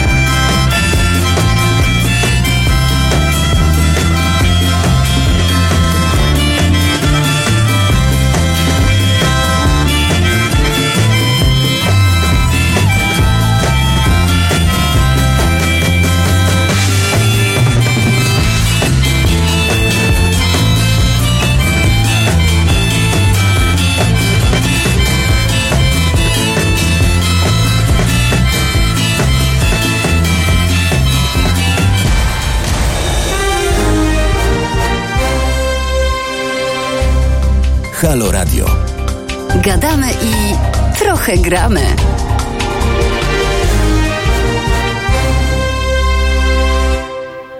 Roman Kurkiewicz, dzień dobry, to jest poniedziałkowy poranek w Halo Radio, 20 stycznia 2020 roku. E, są e, w studiu już nasze obie rozmówczynie, Joanna Erbel, autorka książki Poza Własnością, w stronę udanej polityki mhm. mieszkaniowej e, i też jest z nami pani Alina Muzioł-Węcławowicz, ekspertka do spraw mieszkalnictwa i rewitalizacji, redaktorka takiego raportu e, na temat mieszkalnictwa ruchu e, Kongresu Ruchów Miejskich tak? Y, dobrze powiedziałem? Dzień dobry, witam serdecznie. Niekoniecznie Kongresu Ruchów Miejskich, tylko Obserwatorium Polityki Miejskiej, ale instytucje współpracują i współżyją, więc jest ok. W, w takim szerokim spektrum, tak, to, tak można pewnie powiedzieć. Dobrze, to wracamy, wracamy do tego wątku, który się pojawił przy rozmowie który, którą wywołuje książka Joanny Erbel. E, e, Czyli jesteśmy e, przy próbie takiego opowiedzenia, co się właściwie wydarzyło w ostatnich kilkudziesięciu latach z mieszkalnictwem, tak zwanym rynkiem mieszkań, jakby i też stanem świadomości wokół tego. I powiedzieliśmy, że no, mamy ewidentny niedobór po prostu z jednej strony ilości mieszkań, z drugiej strony mamy wysokie ceny tych mieszkań, z trzeciej strony też można powiedzieć, że mamy pewien rodzaj e, patologicznej struktury własności. Czy tak można Mamy by powiedzieć? też niedobór wyobraźni. I nie do, no, niedobór wyobraźni nie tylko w tej kwestii, ale I e, mówię o tym... I na- niedobór kompetencji. no tak. Generalnie mamy niedobór. Wydawało się, że tak to była legendarna książka takiego ekonomisty węgierskiego Kornaja. Janosza. Janosza- Gospodarka niedoboru. Gospodarka niedoboru, która opisywała e, różne mankamenty e, ustroju zwanego potocznie socjalizmem, chociaż trudno powiedzieć, że nim był. E, e, I okazuje się, że niedobór w najlepsze towarzyszy nam nadal. Ja mówię o tym niedoborze wyobraźni, bo przez te ostatnie 30 lat utożsamiano bezpieczeństwo mieszkaniowe z własnością mieszkaniową, więc... e, W Polsce. W Polsce, tak. W, e, w Polsce, więc każda osoba, która chciała to mieszkanie, to bezpieczeństwo zapewniać sobie jakoś inaczej, była traktowana jako e, ktoś, kto jest gorszy. Ktoś, kto sobie nie radzi, ktoś, kogo nie stać, tak? ktoś, kogo nie stać na kredyt, więc jeżeli jest jakimś lokatorem, to jest To ja, lokatorem, to ko- ja. lokatorem komunalnym. Potem można było słyszeć dużo jakichś takich klasistowskich uwag, że każdy, kto mieszka w mieszkaniu e, komunalnym, to jest osoba, która na pewno będzie te mieszkania niszczyć, albo to, jak ktoś nie jest właścicielem mieszkania, to tej osobie e, nie zależy w ogóle na tym, żeby było ładnie, czysto i nie będzie o to mieszkanie dbać. Jest bardzo dużo jakichś takich mitów, które wynikało z tego, że w pewnym momencie, po 89, e, uznano, że to rynek ma rozwiązać kwestie mieszkaniowe.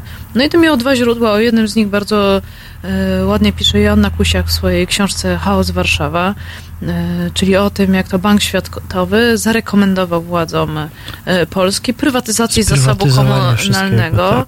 E, Prywatyzowanie zasobu komunalnego służyło temu, żeby ludzie na wstępie na, tej, na te nowe otwarcie demokratyczne mieli jakąś własność, a jak ktoś ma własność, wiadomo, że jest bardziej ostrożny w krytyce systemu i we wszystkich innych radykalniejszych ruchach. I e, ja pokazuję, jak o ile to pierwsze pokolenie, które e, tuż po transformacji mieszkało w tych mieszkaniach e, komunalnych, było, dostało je, czy wykupiło za stosunkowo niewielką cenę, to później ta cena robiła się coraz wyższa, coraz wyższa, aż doszliśmy do tego momentu, w którym jesteśmy teraz, czyli to, że osoby pracującej w Warszawie, która ma swoją pierwszą pracę, na pewno nie stać na kredyt, na mieszkanie, które będzie adekwatne do potrzeb rodziny. Ewentualnie można próbować kupić kawalerkę na kredyt gdzieś tam daleko od centrum, ale osoby, które właśnie wchodzą teraz na rynek pracy, są skrajnie różnej sytuacji niż te osoby, które kupowały mieszkanie 5, 10, 15 czy 20 e, lat temu. Ale czy to jest tak, że kluczowa jest y, właśnie kwestia zmiany naszej wyobraźni? To znaczy, żebyśmy dopuścili e, sobie takie wyobrażenie, że tym ideałem czy tym celem do osiągnięcia nie jest posiadanie mieszkania, ale raczej e, pewien rodzaj e, zaakceptowania albo też postulowania tego, żeby istniały cywilizowane formy najmu i, i zupełnie inne formy własności, tak jak to funkcjonuje w wielu innych miejscach. Ty przywołujesz e, przykłady ze świata, się pojawia i Wiedeń, i Berlin, i Singapur, chociażby, żeby rzucić na, na pierwszy rzut oka, tak? Czyli, że można inaczej i że to wcale nie jest gorsze. Mówisz też, y, często pojawia się w książce ten wątek, że po prostu nadchodzi też zmiana pokoleniowa myślenia o, y, o tym, jak y, o mieszkaniu i warunkach mieszkaniowych myśleć. Mhm. Nadchodzi też jeszcze jedna zmiana, to znaczy ludzie, którzy uważają, że najem jest taką cywilizowaną alternatywą i czymś, co powinno być takim punktem docelowym, czyli to zwykle są też osoby, które były na Erasmusach za granicą, To są też osoby, które mogą mieć nawet całkiem niezłe dochody, e, ale nie chcą się wiązać z jednym, miejsca, z jednym miejscem. I to są osoby, które zaczynają pracować w mediach. I tak długo, jak w mediach były osoby, które były frankowiczami, frankowiczkami, albo osoby, które z innego powodu miały mieszkanie własnościowe, to dyskusja o tym, że może najem, to w ogóle to, nie, to było coś, co było kompletnie niezrozumiałe. I e, pierwszym takim medium, które w Polsce zaczęło dyskusję o e, mieszkaniach na wynajem, e, jest lifestyle'owy portal Noise, który zatrudnia ludzi mniej więcej młodszych, pewnie 10 lat ode mnie. I oni zaczęli cykl, na wynajmie się nazywa, i konsekwentnie od kilku miesięcy publikują różne e, artykuły o różnych aspektach rynku najmu, wraz z otwierającym tekstem, który zresztą też cytuję w swojej książce, że wmówiono nam, że dorosłość oznacza e, własność mieszkaniową. E, My tak nie chcemy i nie chcemy też tego, co jest w tym momencie dominującym segmentem rynku na wynajem, czyli mieszkań, które są mieszkaniami po babci albo w których są mieszkania, e, w którym są e, meble po cudzym życiu. Czyli na przykład mamy naszą kawalerkę albo naszą M2, ona jest za mała, e, więc się z niej wyprowadzamy, ale uznajemy, że ta szafa, którą kupiliśmy, jest nadal dobra przecież, przecież nie jest zepsuta. To, że to y, ewidentnie nosi ślady cudzego życia, nasze, życia, życia właścicieli, już w ogóle nie ma żadnego znaczenia. I pojawiła się grupa osób, które mówią, nie, to nie jest normalne. To jest patologia, to jest wręcz przemoc. Tak, nie jesteśmy, płacimy rynkowe stawki, więc chcemy być traktowani profesjonalnie, a nie jakbyśmy mieszkali po prostu jakiegoś lorda, feudalnego pana czy feudalnej pani, którzy nam będą organizować życie. Nie chcemy tak żyć. I to jest ta, i to jest ta zmiana, którą tutaj mia- mamy. Czyli z jednej strony zmiana oczekiwań, a z drugiej strony rosnące ceny mieszkań e, na rynku pierwotnym. Myślę, że jednak jest bardzo ważną e, tutaj kwestia gospodarcza, kwestia ekonomiczna. I tak przy, przypadkiem przywołaliśmy Kornaja chyba, ale Przypadkiem jest dużo, się jest słowo tutaj, klucz. Jest to bardzo ważna rzecz. Mianowicie przypomnijmy sobie, jak Polacy radzili sobie za owej komuny, kiedy mieszkanie było wyjątkowo deficytowym towarem i wtedy poszliśmy jako społeczeństwo właśnie pierwszy raz we własność Mhm. mieszkaniową. Ja przypominam, że e, komunaliz- sprywatyzacja mieszkań komunalnych to, to są lata 70. zeszłego wieku. E, Spółdzielcze własnościowe prawo do lokalu to jest też erzac, który wymyśliły władze po to, żeby ściągnąć więcej pieniędzy od ludzi, Mhm. obiecując im pierwszeństwo w kolejce po mieszkanie spółdzielcze. I ludzie to chwycili. Wtedy rozpoczęła, rozpoczął się w miastach, bo nie mówimy oczywiście o terenach wiejskich, rozpoczął się boom, czy mocne zainteresowanie własnością. I od tamtego czasu było coś takiego, takie mm, mm, społeczne przekonanie, że do własności jest szybciej, do, własność oczywiście jest bardziej bezpieczna. O tym można dyskutować, ale to myślę, że nie jest temat na, na te, w tej chwili na naszą rozmowę. Później mm, e, w transformacji, w tym przełomie transformacyjnym, e, też trzeba przypomnieć, że byliśmy w wyjątkowo trudnej sytuacji. E, Ogromna inflacja. Pierwszy raz pojawiło się bezrobocie na skalę dwudziestu paru, jak nie więcej, procent w społeczeństwie. I wtedy podję, podjęto decyzję o tym, że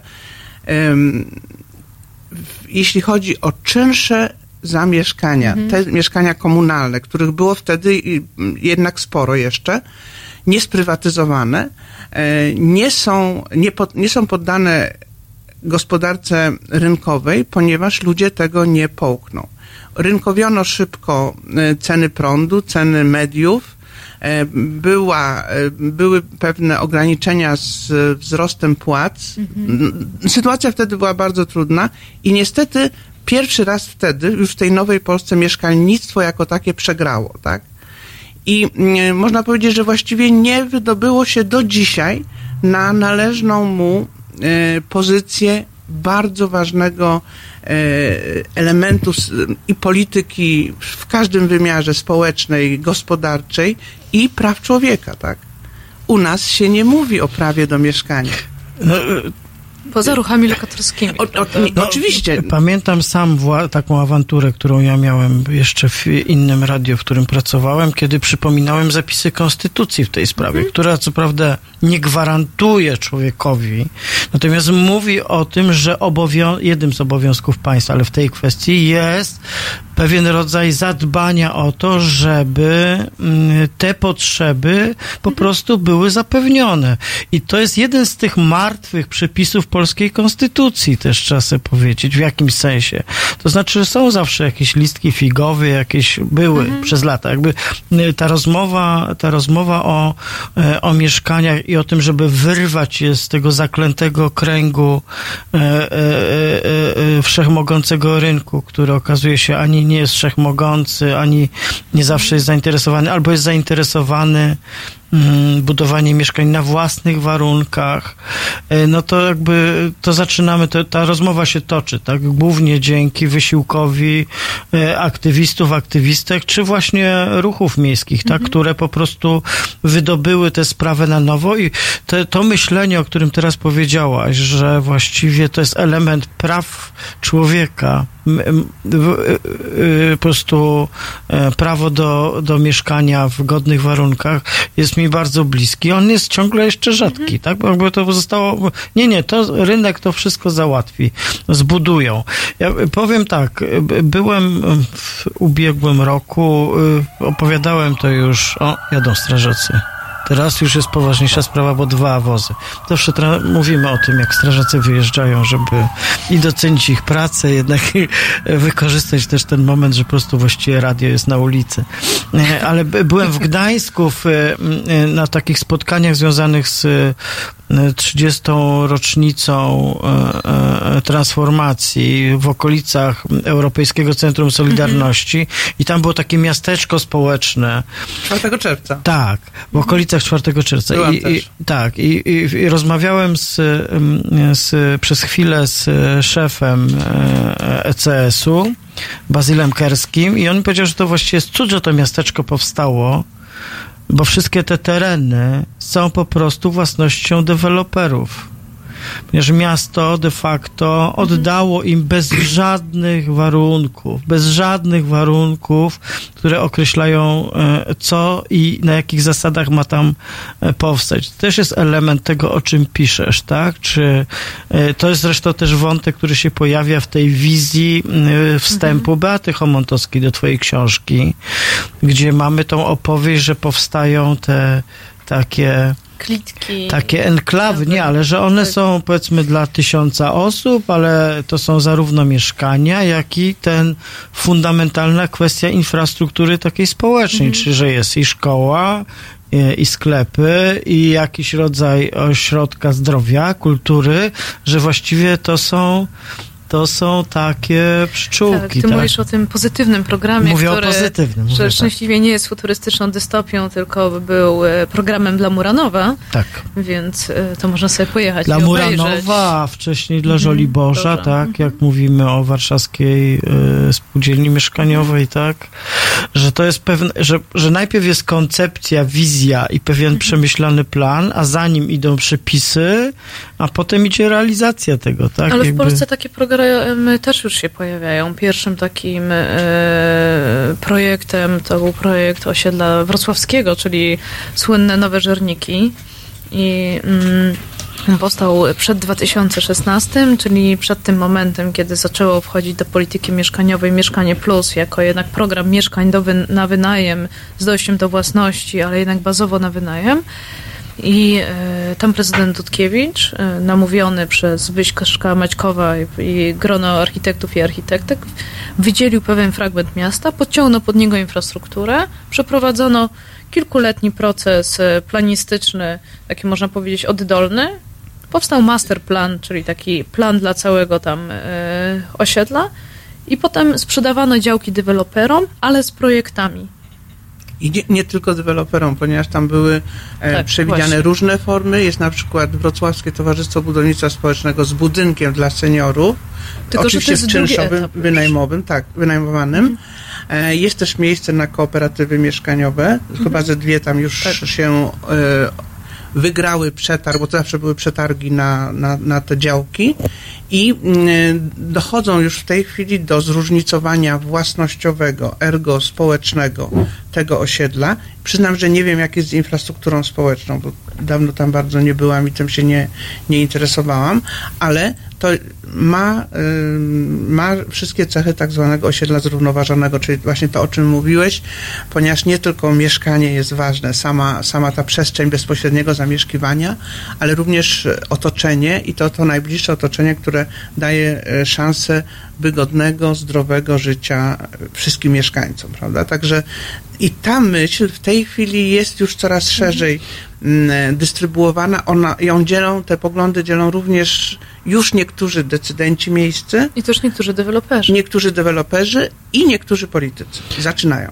E, To to jest bardzo ważny wątek, Mhm. e, który e, zaraz pociągniemy po, po tym, jak posłuchamy ZZ Top, tak? To posłuchamy ZZ Top i do tej właśnie wizji, która w tym jednym miejscu zafunkcjonowała, czyli ten, to dla mnie najciekawsze pytanie jest i co dalej? I co z tego wynika No dla są całej dalsze, Polski? są dalsze projekty. I zaraz, zaraz do tego wrócimy. Teraz ZZ Top i wracamy do naszej rozmowy w Halo Radio.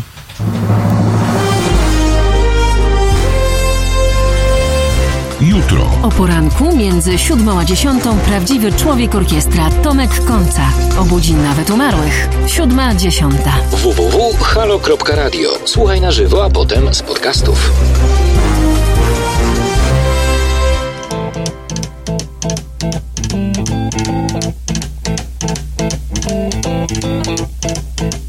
Rumors spreading round in that Texas town about the shack outside the game. You know what I'm talking about. Just let me know if you wanna go to that home out on the range. They got a lot of nice girls. Huh?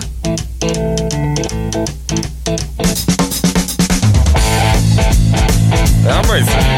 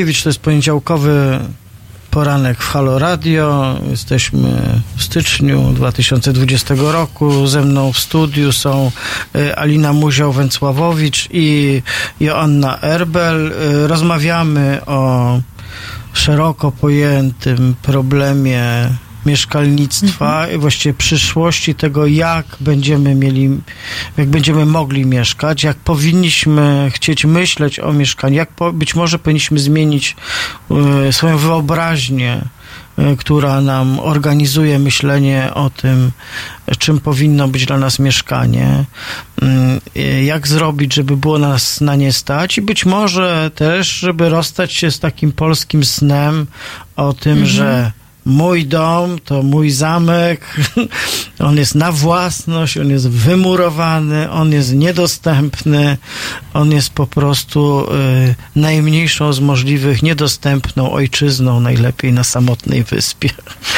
E, ale mówimy o tkance miejskiej i o, tym, o tych dużych procesach, zarówno ekonomicznych, społecznych, jak i też świadomościowych.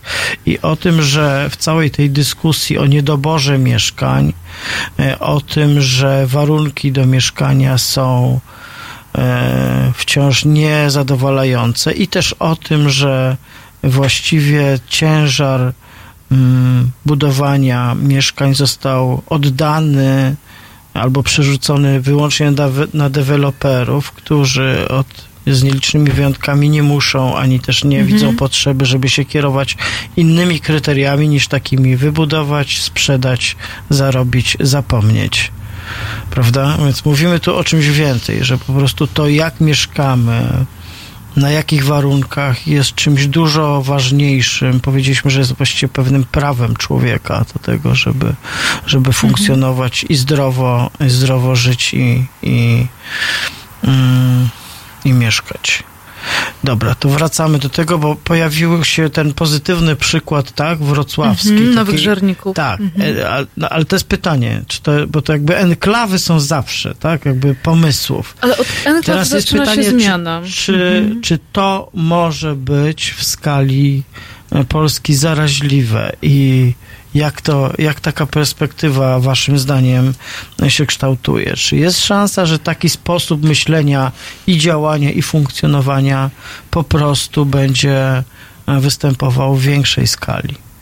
E, Więc jest to nie tylko Wrocław. W ten sposób zaczęła też myśleć Warszawa, która zrobiła swojego czasu e, taki projekt, on się nazywa Osiedla Warszawy, który zapoczątkowała nasza architektka miejska Marlena Hapak.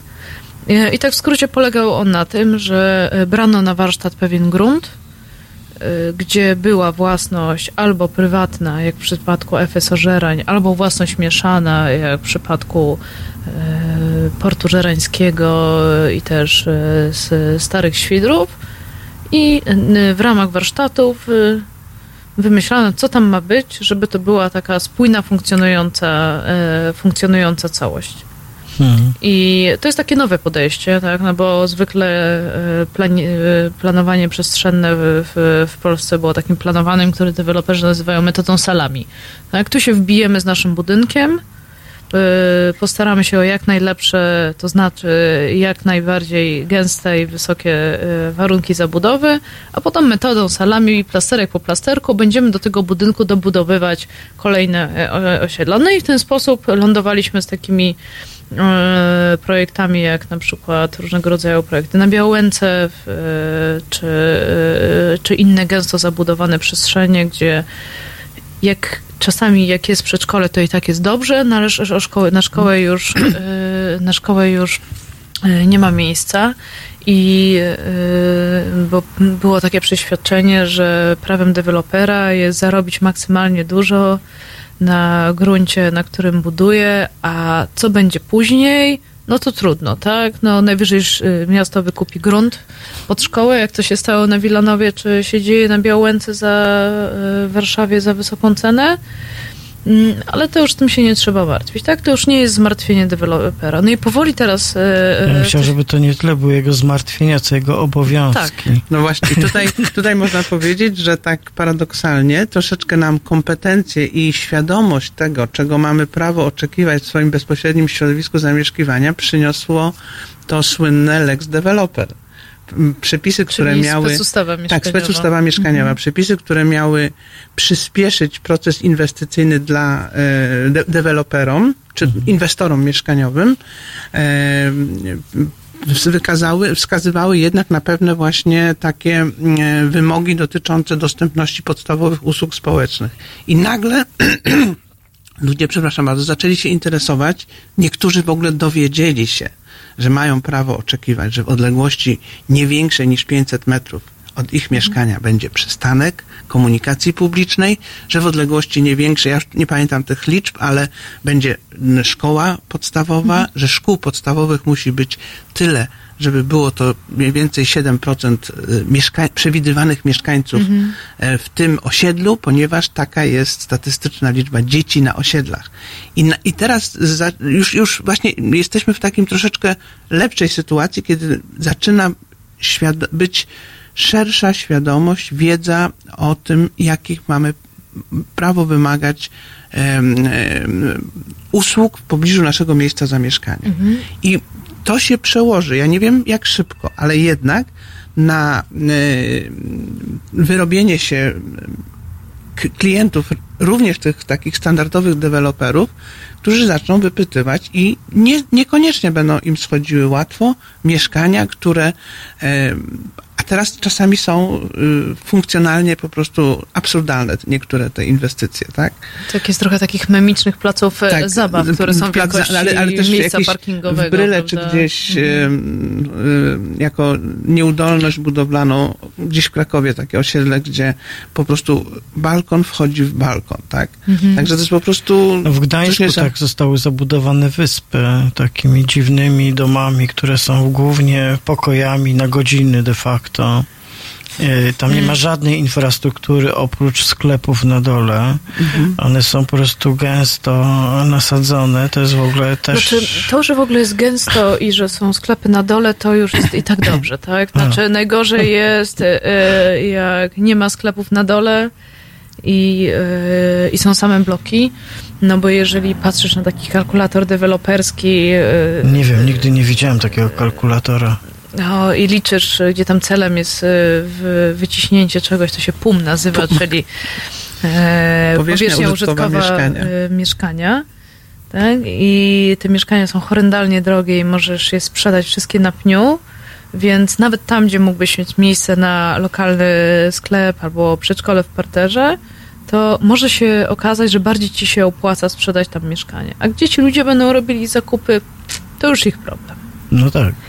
Więc mm, Są jest też dorośli, nie? To- tak, są dorośli, powinni odpowiedzialnie prawda, podejmować decyzje, prawda, jak nie mają innego wyboru, no to podejmują je w taki sposób, no, jaki, jest, e, jaki jest dostępny. Ale ta dyskusja, o której ty mówisz, znaczy, e, znaczy to, co powiedziałeś, e, jest też trochę niebezpieczne, tak? Znaczy to, że buduje się gęsto, to jest dobrze. Tak? Znaczy, tylko trzeba budować gęsto w sposób mądry, czyli w taki sposób, jak raczej wyglądają śródmieścia naszych miast, niż e, w jaki sposób wyglądają e, przedmieścia, gdzie tej infrastruktury w ogóle nie ma. No bo zauważ, że jeżeli nie budujesz gęsto w centrum, to ci ludzie i tak muszą gdzieś mieszkać. To znaczy, że miasto się będzie rozlewać, trzeba będzie im dostarczyć albo transport publiczny, albo wybudować drogi. Więc e, kwestia tego, jak budować e, gęsto i dobrze, jest trochę takim wyzwaniem współczesności, no bo to też są te wszystkie rzeczy związane z zmianami klimatycznymi, czyli żeby ograniczać wymuszoną mobilność, jednocześnie tak budować te przestrzenie pomiędzy budynkami, żeby było, jak to się mówi, porowate.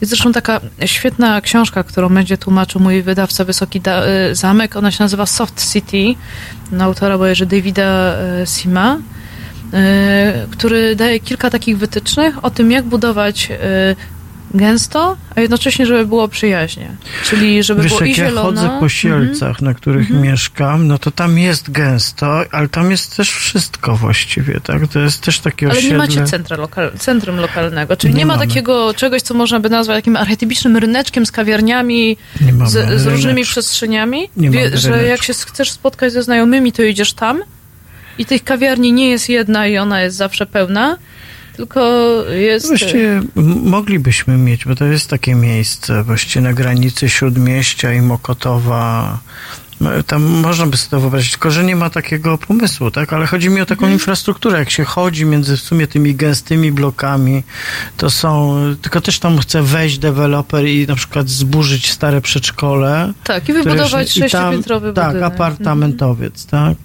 Natomiast... mają właśnie, to są właśnie przykładem takiego dobrego planowania, gdzie ten ruch jest, że tak powiem, po obrębie kwartału, a wewnątrz są podwórka, po których się głównie chodzi, y, chodzi pieszo. Tam te auta wjeżdżają, ale na przykład nie do tego stopnia, co na wielu osiedlach deweloperskich.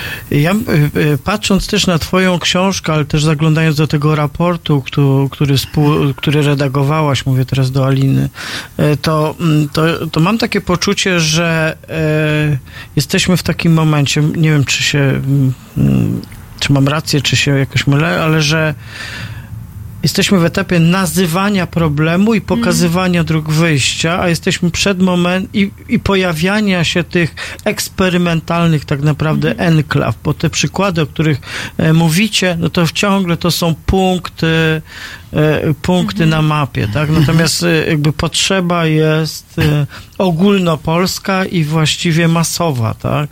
I, i jakby to, co, na co czekamy, to, że e, ten problem e, mieszkalnictwa i jakby wymaga po prostu tak zwanej woli politycznej i to takiej zdecydowanej, znaczy po prostu potraktowania tego jako priorytet, tak?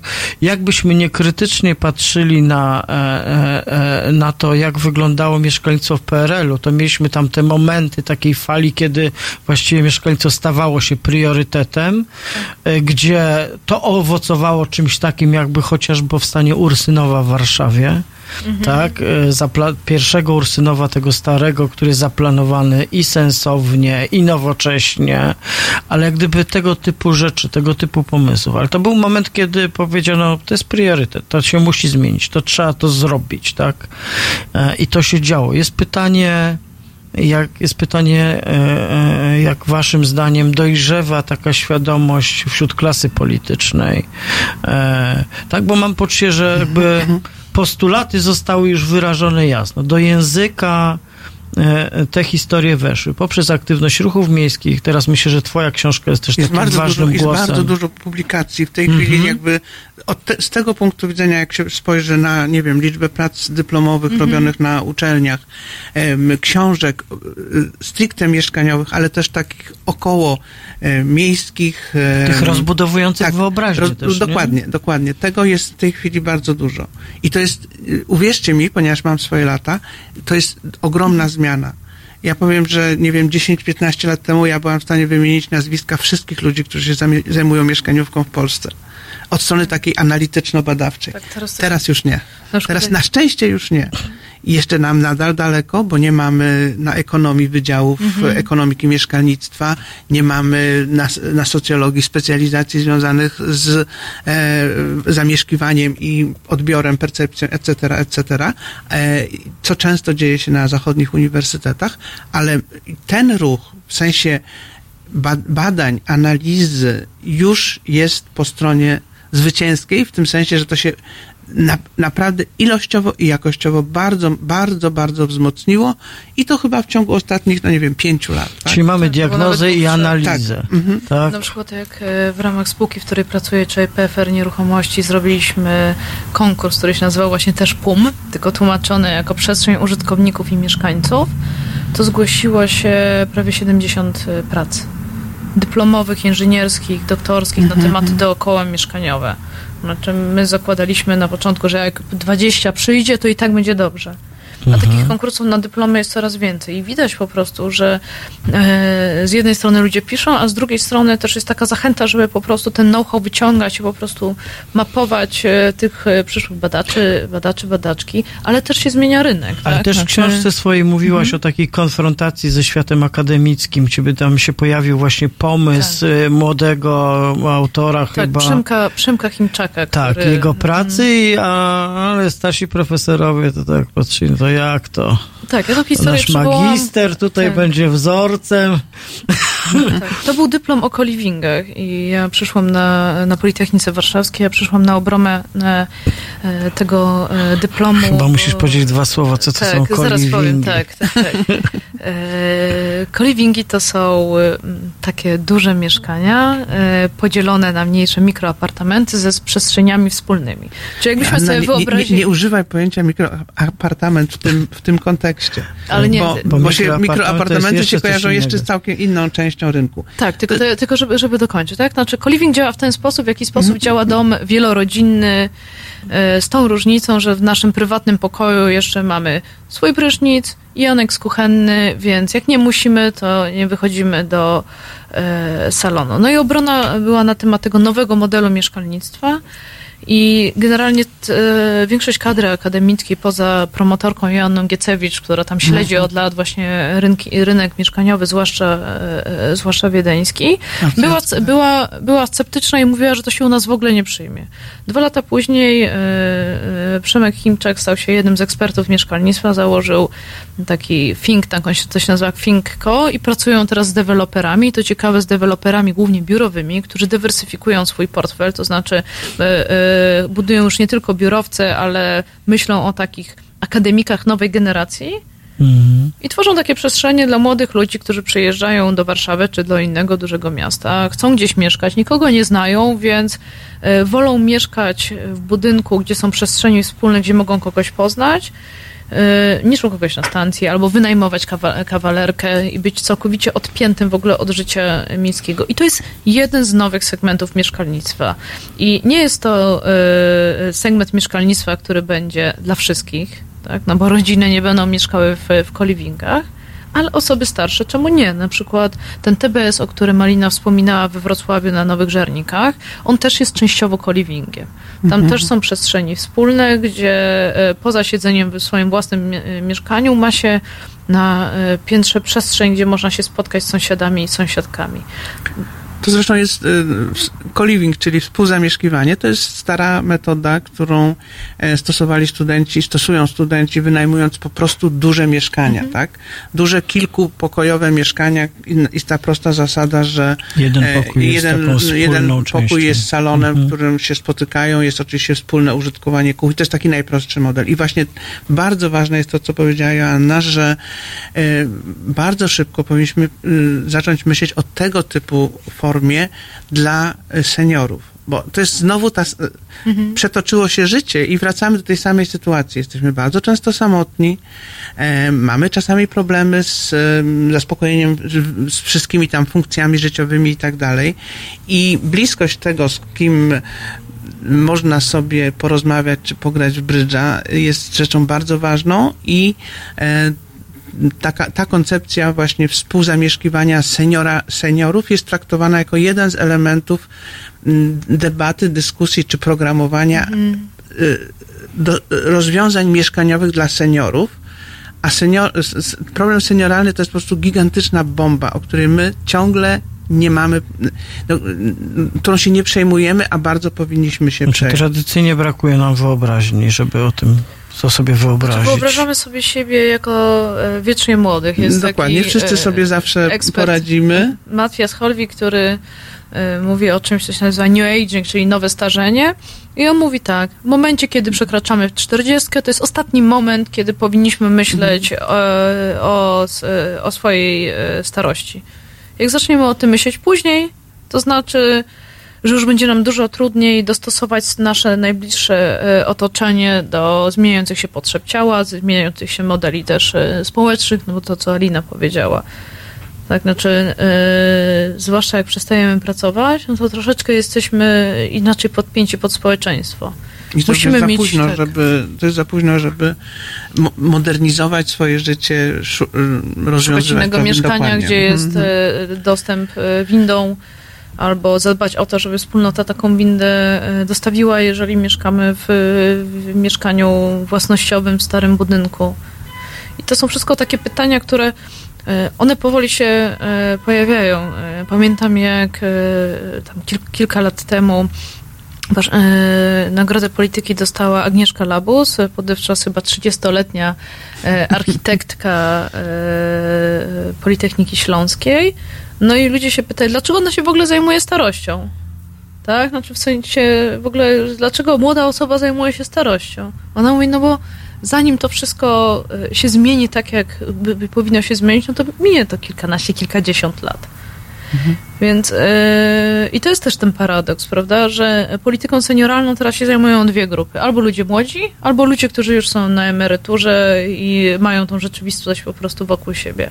Cały czas jest to pokolenie, które e, ja roboczo nazywam pokoleniem rodziców, czyli osoby urodzone w latach 50. i też e, 60., które jest w tym takim e, micie wiecznej sprawności, e, bycia, bycia dynamicznym, Nie zarabiającym. przyznawania się do, Tak. do swoich deficytów, do swoich problemów. Takie... Więc to też jest jakiś taki rodzaj e, wyzwania. Ale chciałam jeszcze Ci e, e, o jednej opowiedzieć rzeczy, jak mówiliśmy o, e, o trendach i o tym, co robi rynek. Prawda? No to oczywiste jest to, że e, i samorządy, i rząd powinien stawiać wymagania rynkowi. I co więcej, rynek wie, że już to zaraz się stanie. E, Niedawno pojawiła się mm, taki pomysł na stworzenie takiej grupy w ramach Polskiego Związku Firm Deweloperskich. Zresztą tutaj po przekątnej od Was od radia możecie pewnie sobie nawet machać. E, I oni, Gdzie oni są?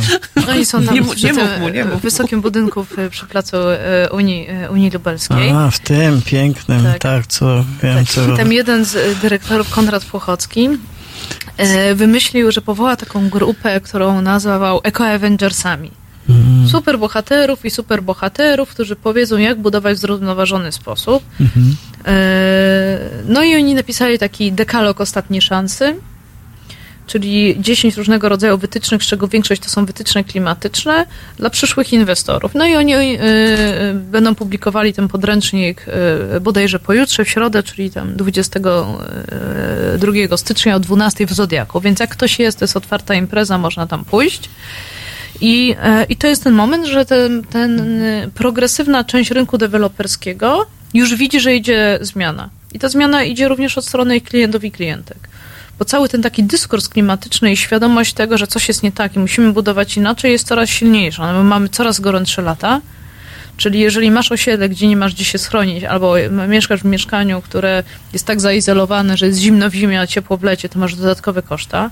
Są te kwestie związane z nawalnymi deszczami, więc jak wszystko jest wybetonowane, a deweloper oszukał y, y, y, planistów i zamiast posadzić trawnik, posadził tak zwaną ekokratkę, czyli taki beton, z którego tam wystaje trawa, no to okazuje się, że są zalane piwnice. Jak to się pięknie nazywa? Ekokratka. Tak, To tak, jest tak. jakby to zjawisko, że każda grupa, która ma coś do ukrycia, to przede wszystkim zaczyna od tworzenia nowego języka, w którym słowa nie znaczą tego, co znaczą. Tak, tak, tak. Tylko na szczęście y, y, y, rzeczywistość pogodowa nie jest dyskursywna, więc nie przenegocjujesz z nawalnym deszczem, że to jest powierzchnia, która jest wsiąkająca. Tak? Albo też- wsiąka, albo nie wsiąka. A deszcz nawalny jaki jest, każdy widzi, jak go widzi. Także tutaj jest, jest.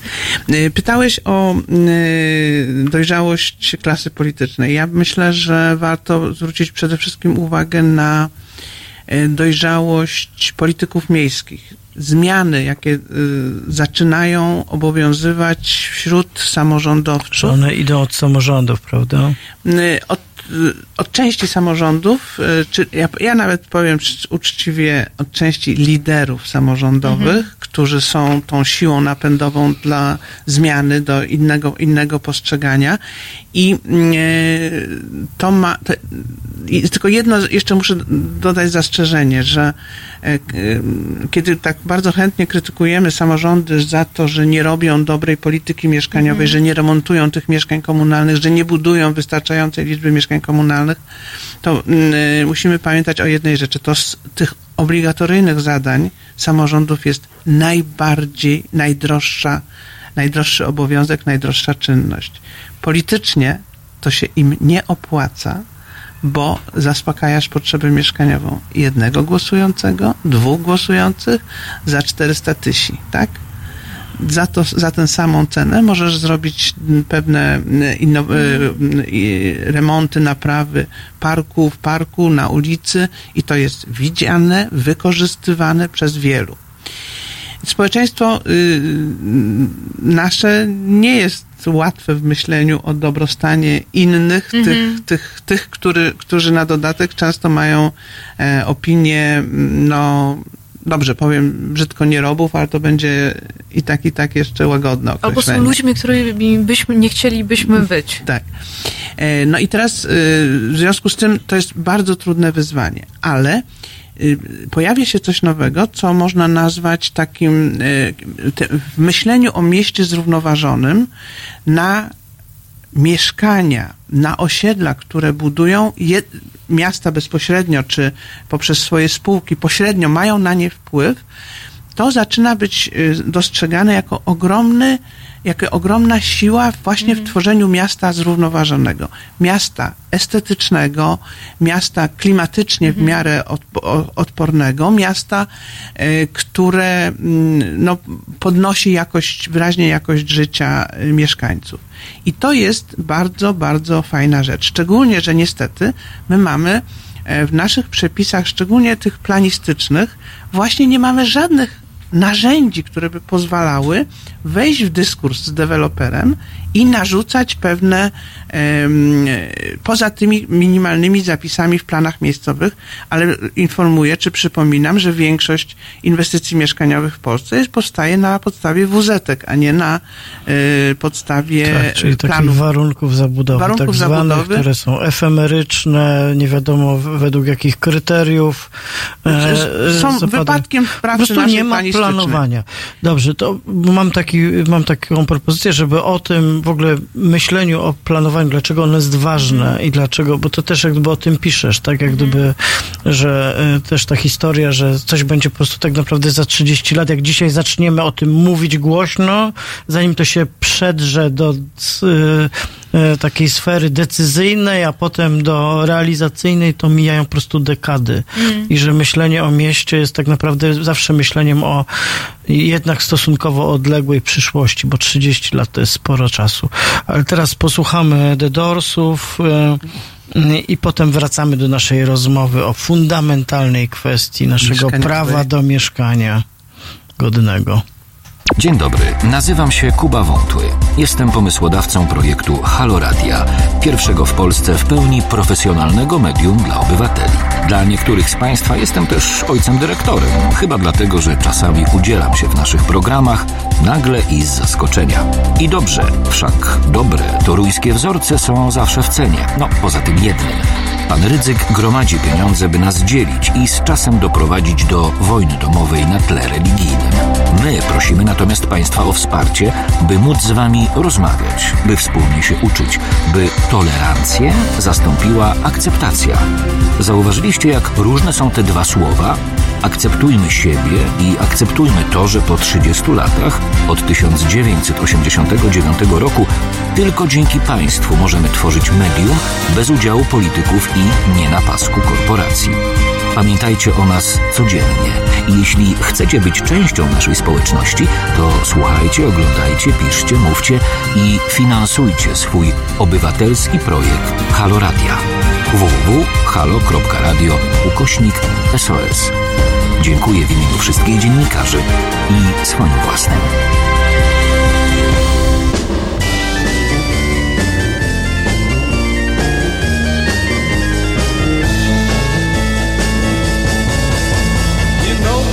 Would be untrue. You know that I would be a liar if I was to say to you, Girl, we couldn't get much higher. Come on, baby, light my fire. Come on, baby, light my fire. Try to set the night on fire. The time to hesitate is through. No time to wallow in the mire. Try now, we can only lose. And our love become a funeral pyre. Come on, baby, light my fire. Come on, baby,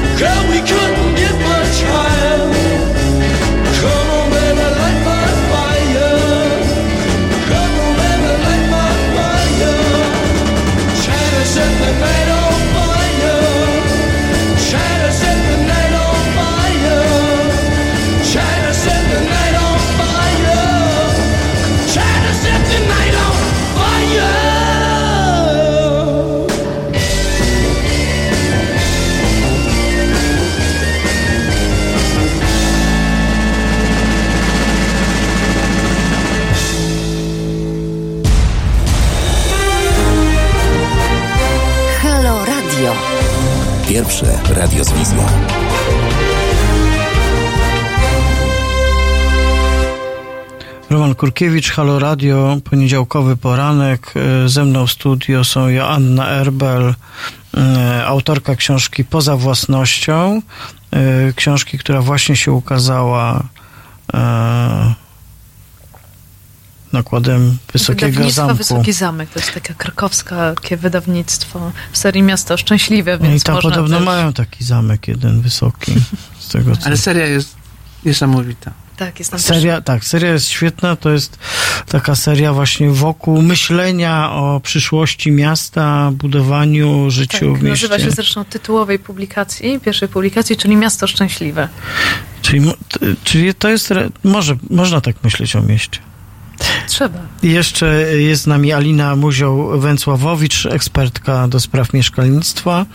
E, No i cóż, rozmawiamy o całej tej gamie różnych rzeczy, o których piszesz e, e, w swojej książce, ale też które są jakby wokół tego tematu. Bo można powiedzieć, że miasto to jest delikatnie mówiąc temat rzeka. A miasto nad rzeką to tym bardziej jest gigantyczny temat rzeka. Ale nie będziemy dzisiaj mówić o mieszkalnictwie nad Wisłą, chociaż to jest ciekawe, czy mieszkaniu na wodzie na przykład, tak? To są kierunki, które w niektórych e, miejscach na ziemi są ważne, tak? Tak, Kopenhagen, Amsterdam, Amsterdam, tam, gdzie e, zbudowano całą gruntu. dzielnicę taką, e, gdzie zbudowano z odzysku wszystko, tak? E, To, to jest zrównoważone miasto na, na, na wodzie. Tak, zresztą bardzo piękny projekt, bardzo też zróżnicowany, Tak, bo są z- i tam łódki, które czekają na katastrofę klimatyczną No, i podnoszenie się tak. powodu No bo to jest miasto, którego nie Mhm. będzie za kilkadziesiąt lat. To jakby to wiadomo. Holendrzy też już to wiedzą. Więc od razu budują na łodziach domy. Dobrze, to wr- wracamy tutaj do naszego pejzażu mieszkaniowego i e, tutaj mieliśmy porozmawiać z jednej strony o wadze planowania i tego, Mhm. tak, bo słowo planowanie w ogóle przez te ostatnie 30 lat miało złą złą pasę. Znaczy po prostu było owiane złą legendą. Te- Teoretycznie udało się wmówić, że planowanie niedobre jest. Tak, bo e, Że- wolność, że wolność po prostu- robienia, co że się tak, chce. że po prostu Mhm. wolne elektrony po prostu wolnego rynku się zorganizują tak, że wszyscy skorzystamy, po czym się okazało, że jak zwykle skorzystała niewielka grupa, a my się rozglądamy dookoła, co z tym zrobić. Mhm. Czyli planowanie jest ważne, też jakby ten rodzaj debaty, język i, i takie przedsięwzięcia, jak chociażby twoja książka, no próbują e, dostarczyć e, takiego materiału do opisu tego, dlaczego jest planowanie ważne, jak ono wygląda, jak ono się zmienia, jak jest dynamiczne też. Jak tu wiele było wątków, które pokazują, jak nowe rzeczy e, wchodzą w takie myślenie, tak? Jak inaczej myślimy o budowaniu na przykład mieszkań, czy tych przestrzeni dla młodych ludzi, i jak z kolei to powinno wyglądać, jeśli mówimy o ludziach starszych, tak?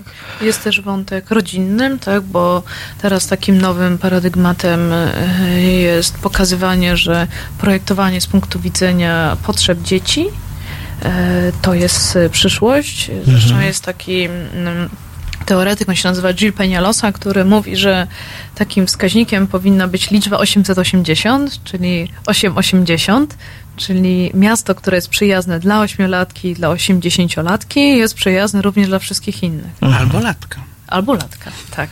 Czyli Bornholm. Tak, tak samo też przyjazny dla tak. takich grup właśnie.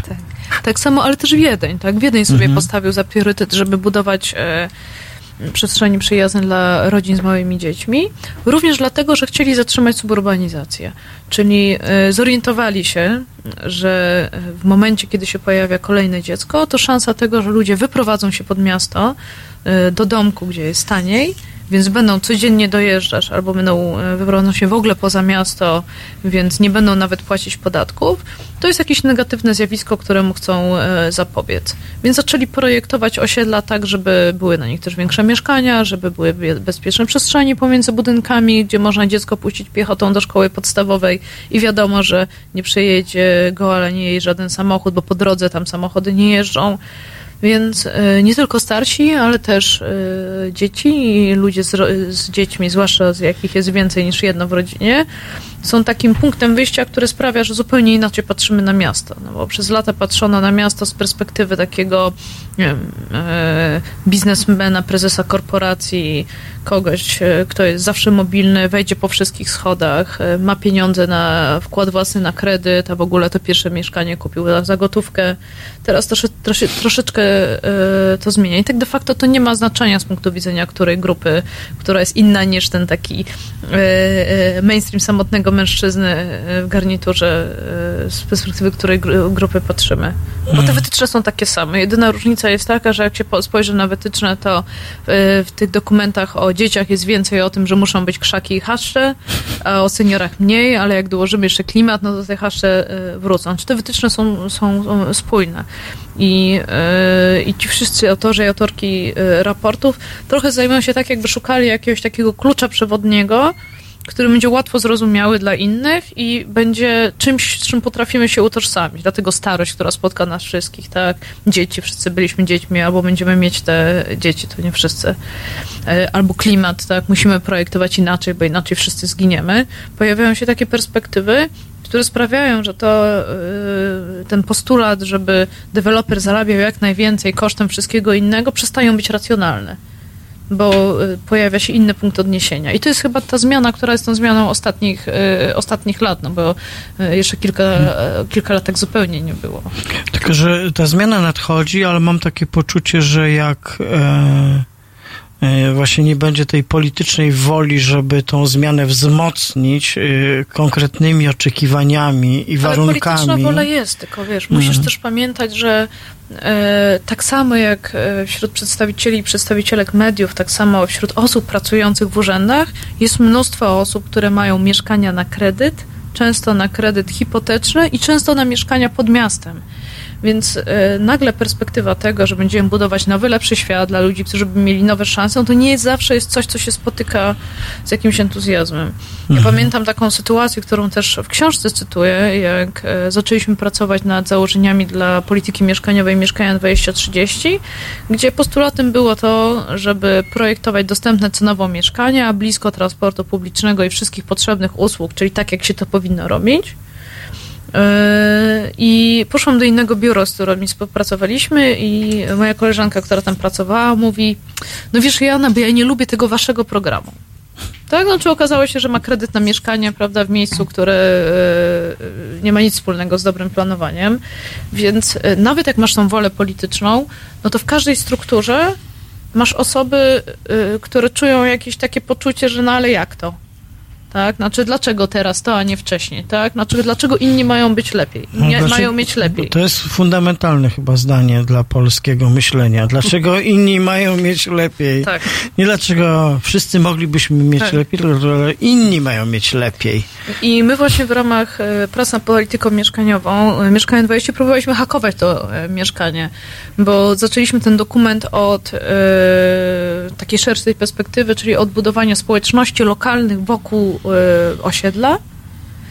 I z postulatu, że każdy nowy budynek, który będzie budowany przez miejską spółkę albo inną miejską jednostkę, ma być czymś, co uzupełnia e, brakujące usługi. Czyli na przykład Mhm. jak jest parter i w okolicy nie ma przedszkola, to będzie tam przedszkole. Jeżeli nie ma sklepu spożywczego, to będzie tam sklep spożywczy. Jeżeli nie ma paczkomatu na osiedlu, będzie tam paczkomat, e, stacja do ładowania, jakieś carsharingowe rzeczy. Zrobiliśmy taki dokument, który niestety nie został przyjęty, bo ten priorytet na politykę trochę spadł. On się nazywał Warszawski Standard Mieszkaniowy, który mówi o tym, jak projektować dobrze. I to, żeby pokazać, że dobre projektowanie podnosi jakość otoczenia jako całości, czyli pojawienie się budynku komunalnego nie jest czymś, co obniża e, wartość nieruchomości komercyjnych, tylko wręcz przeciwnie, to był taki. E, to była najtrudniejsza z rzeczy, które musieliśmy tak naprawdę e, przepracować, żeby pokazać, że to samorząd wyznacza trendy i każda interwencja samorządowa w osiedle deweloperskie podnosi tą substandardową, czystą przestrzeń do poziomu czegoś, co jest przyjazne, e, przyjazne do życia. I myślenie z tej perspektywy jest jedynym sposobem, który sprawi, że będziemy w stanie jako taka e, społecz, społeczność miejska, czy społeczności miejskie, myśleć o tych interwencjach jako o czymś, co jest w interesie nasz wspólnych. No bo to jest to, tak jak ty Alina Mhm. mówiłaś wcześniej, tak? Znaczy prosto inwestować w budowę, będąc samorządem, tanich mieszkań, skoro ilość nakładów y, na mieszkanie i zysku politycznego jest nieproporcjonalna, gdyby je przerzucić gdziekolwiek indziej. Tak, ale to właśnie o czym mówisz, ten y, wysoki standard y, inwestycji, nazwijmy to miejskich, mieszkaniowych oczywiście, to jest dzisiaj, zwróćcie uwagę, jedyna droga, gdzie gmina może się przebić, miasto może się przebić właśnie z Mhm. takimi wartościami jak ład przestrzenny, jak dobry projekt urbanistyczny, jak e, dostępność właśnie podstawowych funkcji. Też dobra architektura, I, tak, prawda? I, i to, i to, znaczy tutaj należy oczekiwać, możemy mieć nadzieję, że będzie to oddziały, sukcesy tego typu przedsięwzięć miejskich będą oddziaływały również na praktykę innych inwestorów mieszkaniowych. My niestety w naszych przepisach planistycznych nie, miasta nie mają siły y, nakazania y, deweloperowi e, wykonania pewnych konkretnych e, inwestycji towarzyszących, inwestycji o, o, o, od- wybudowania odpowiedniej zróżnicowanej struktury Na razie. wielkościowej, własnościowej i tak dalej. Na razie nie ma. Dobrze.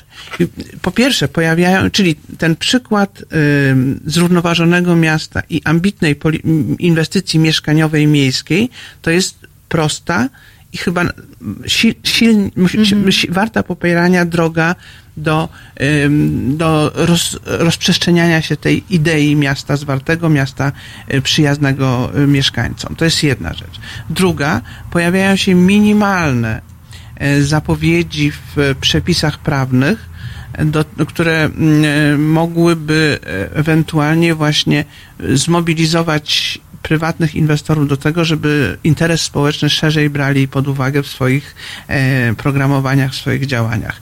Jest coś takiego jak umowa urbanistyczna, ale to jest prze, przepis, który mm, tak bardzo lapidarnie e, mówiąc, e, umożliwia poprzez miejscowy plan rewitalizacji narzucenie inwestorowi wolnej, niezagospodarowanej działki wykonanie pewnych dodatkowych inwestycji, które e, są przewidziane ideą rozwoju tego obszaru. Odnowy, bo akurat to jest rewitalizacja, odnowy tego obszaru to raz, a dwa, oczywiście e, i tenże deweloper, inwestor ma obowiązek przekazać tę inwestycję dodatkową na majątek, na rzecz gminy, a wartość tego ma być proporcjonalna do e, zysku, jaki, jaki ma e, inwestor z tego tytułu, że inwestuje w tym konkretnym miejscu w mieście, na przykład w centrum miasta. Tak. Także, ale to jest kropelka i, i kropelki drążą skałę. Miejmy nadzieję, że, że pewne rzeczy. y, Pojawił się też taki, pom- m, taka mm, jaskółka, pojawiła się przy pożyczkach z systemu Jessica Mhm. y, gdzie też y, komponent mm, użyteczności społecznej projektu wpływał na y, obniżenie oprocentowania preferencyjnej pożyczki. Oczywiście źródłem tego były te okropne fundusze unijne. Także, y, y, a jesteśmy o lata świetlne a propos mm, planowania od krajów zachodnich, gdzie y, od dawna zauważono, bo to już, to, szczerze mówiąc, to wcale nie chodzi tylko o, y, o kwestię ideologii czy, Mhm. czy, czy, czy systemu wartości. To chodzi tak samo o prostą ekonomię.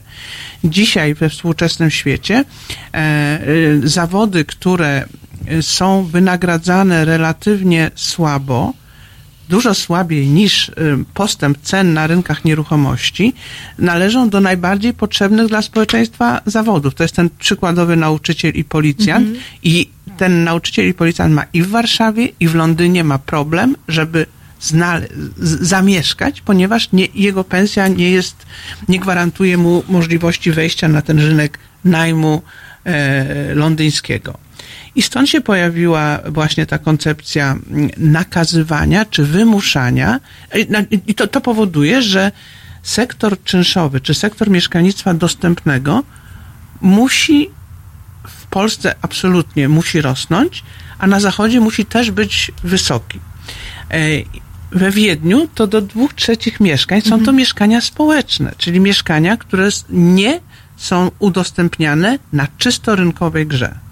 Wiele z nich jest, nazwijmy to, quasi-rynkowych, czy tam nie ma Mhm. dużego wkładu społecznego i one są, powiedzmy, czynsze są dość wysokie, ale y, system od wielu, wielu lat, y, system austriacki, a szczególnie y, Wiednia, który jest krajem czy regionem takim autonomi, autonomicznym, sprzyja tego typu działaniom. Francuzi mają tak zwane zaskarżalne prawo do mieszkania. To oznacza, że jeżeli jesteś y, w miarę przyzwoitym obywatelem francuskim, w tym jesteś dorosłym, czy tam pełnoletnim, e, masz prawo oczekiwać od gminy, żeby ona, jeśli ty sam nie dajesz rady, żeby ona rozwiązała twój problem mieszkaniowy w postaci udostępnienia y, prawa do mieszkania właśnie dostępnego. Co jest przełożone na, uwaga, przepisy planistyczne, gdzie deweloper musi wykonać 20% mieszkań jako mieszkania dostępne. Docelowo w 2025 roku będzie to 25% mieszkań realizowanych. To są te kontrybucje społeczne i to jest to, do czego powinniśmy dążyć, jakkolwiek dzisiaj mamy zerowe, e, zerowe tło, zerowy kontakt, kontekst w przepisach prawnych, no i też, że tak powiem, w relacjach sektora rynkowego i publicznego. Zróbmy jeszcze teraz ostatnią e, muzyczną przerwę i potem wracamy do naszej rozmowy o tym, jak będziemy mieszkać w przyszłości i dlaczego warto e, naszą wyobraźnię w tę stronę rozbudowywać. Moimi rozmówczyniami są Joanna Erbel, autorka książki Poza własnością i Alina Muzioł-Węcławowicz, ekspertka do spraw mieszkalnictwa. Od poniedziałku do piątku. Właściwie codziennie, bo oprócz weekendów Środek dnia należy do Państwa i do Wojtka Krzyżaniaka. Od 15 do 17 dużo, głośno i bardzo aktualnie. www.halo.radio. Słuchaj na żywo, a potem z podcastów.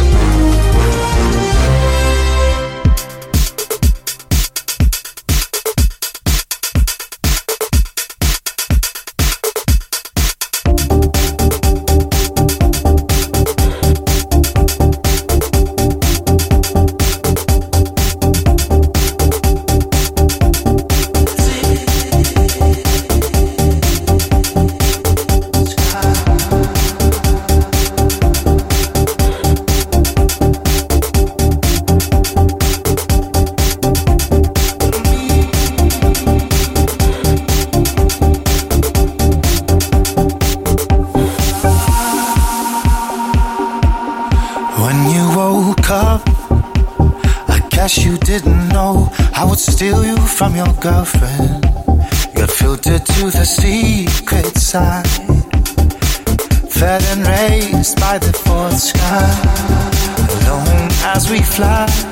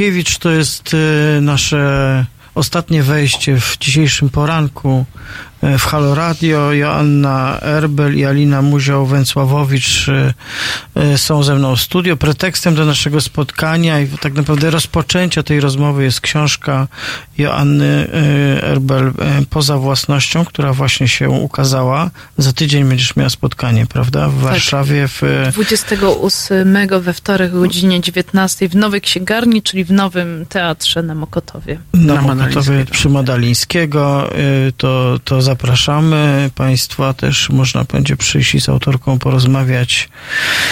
Y, Kupić książkę. Tak, i na e-booku wziąć podpis, prawda, elektroniczny.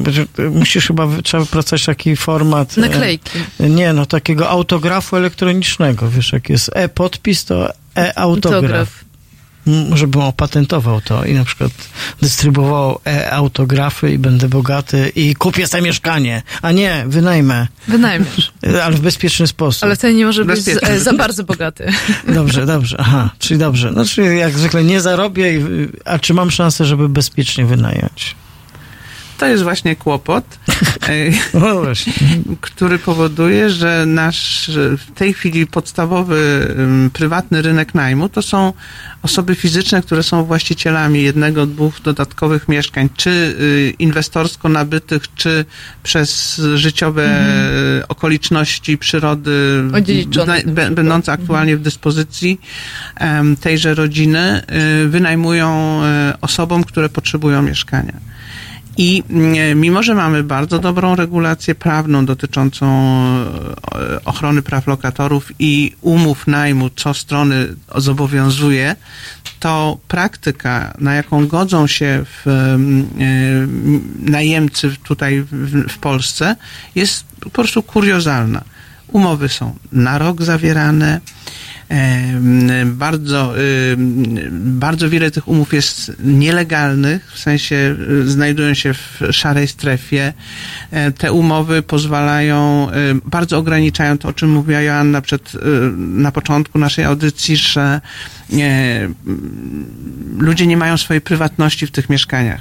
Są Podobno jest ich bardzo wielu, ja szczęśliwie nie, nie znam.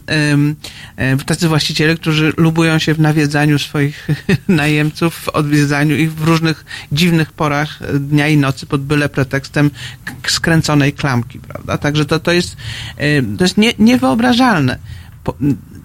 Zasada, która y, leży u podstaw bezpiecznego najmu jest właśnie taka, że decyzja po stronie e, decyzja o opuszczeniu tego mieszkania, które się wynajęło, należy do wynajmującego, no najemcy.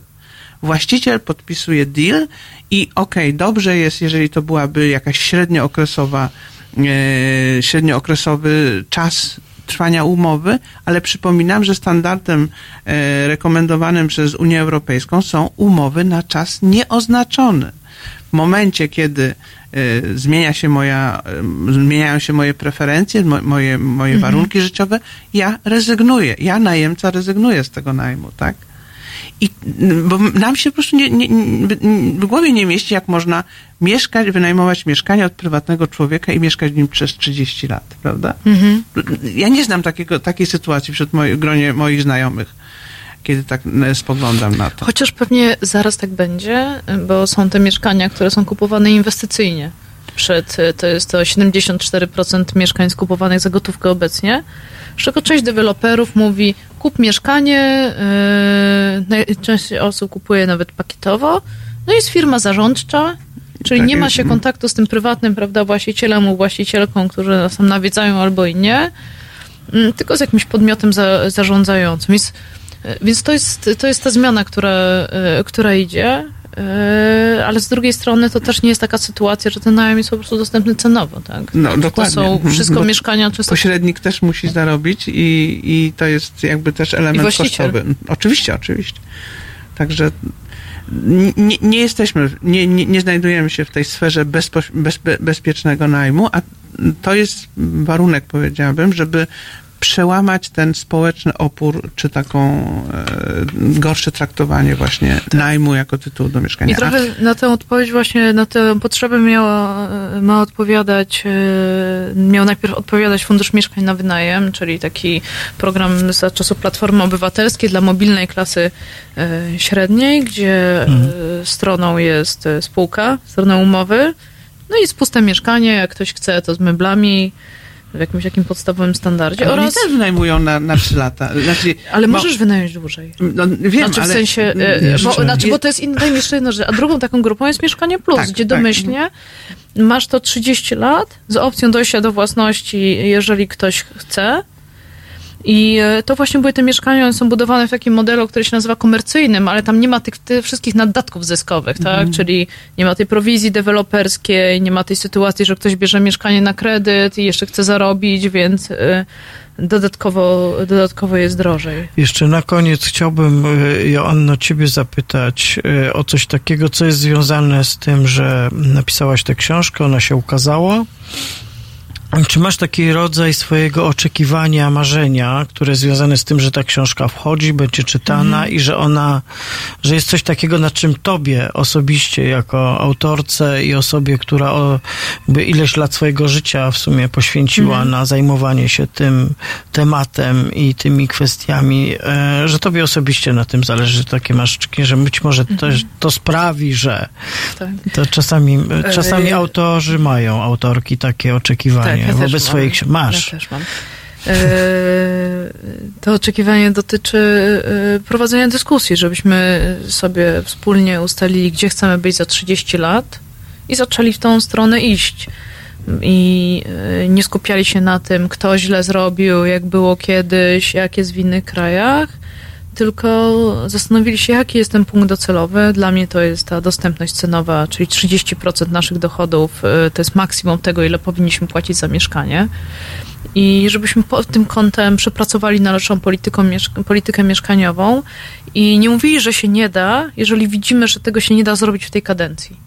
Czyli żebyśmy zawarli jakieś takiego rodzaju porozumienie społeczne, że niezależnie od tego, z której jesteśmy partii, y, gdzie działamy, to ta polityka mieszkaniowa jest czymś, co powinno być wyciągnięte z tych sporów, co jest możliwe, no bo chyba teraz wszystkie większe partie mówią o tym, że mieszkaniówka jest wa- y, ważna.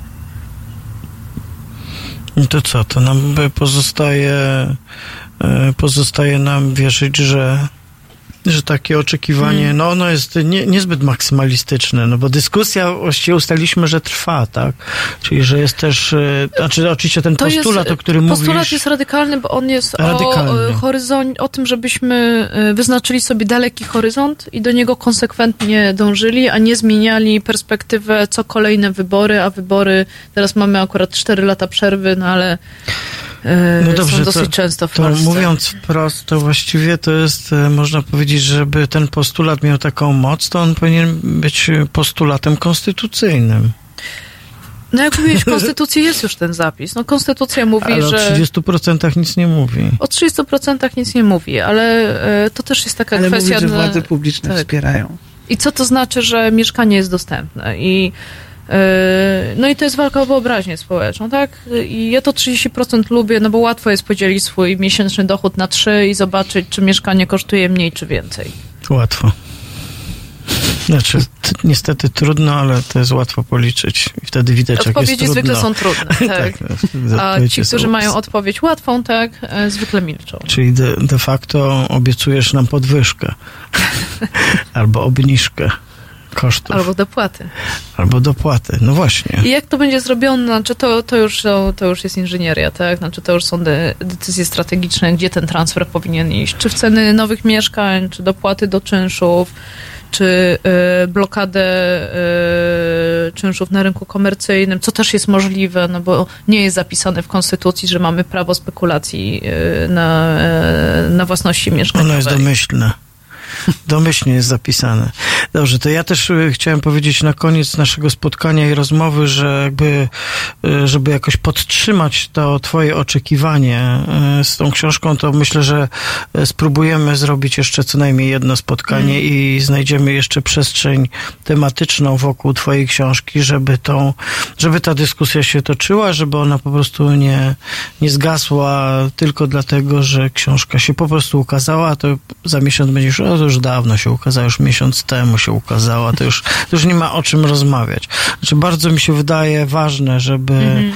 uczyć się takiego myślenia długoterminowego, szczególnie e, na takie tematy, które po prostu inaczej są nierozwiązywalne, tak? No to w takiej perspektywie trzeba myśleć i, i zmieniać miasto na różnych poziomach, tak? I mieszkalnictwo jest jednym z nich. Bardzo ważne, być może no jedno z najważniejszych po prostu, tak?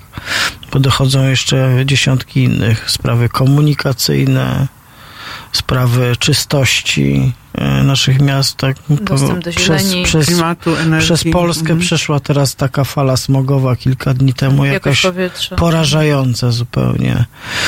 E, Bardzo dziękuję Wam za rozmowę. Joanna Erbel, autorka książki Poza własnością, była e, naszą rozmówczynią i Alina Muzioł Węcławowicz, ekspertka do e, spraw mieszkalnictwa. E, Bardzo Wam dziękuję za tę rozmowę i właściwie mam e, też cały czas jeszcze niedosyt, więc myślę, że będziemy wracać do tych wątków, bo one są fundamentalnie ważne. To był poranek e, w Halo Radio styczniowy. Roman Kurkiewicz, bardzo dziękuję. Zapraszam do dzisiaj od 15 do słuchania naszych premierowych programów. Ja się spotkam z Państwem w czwartek o 20.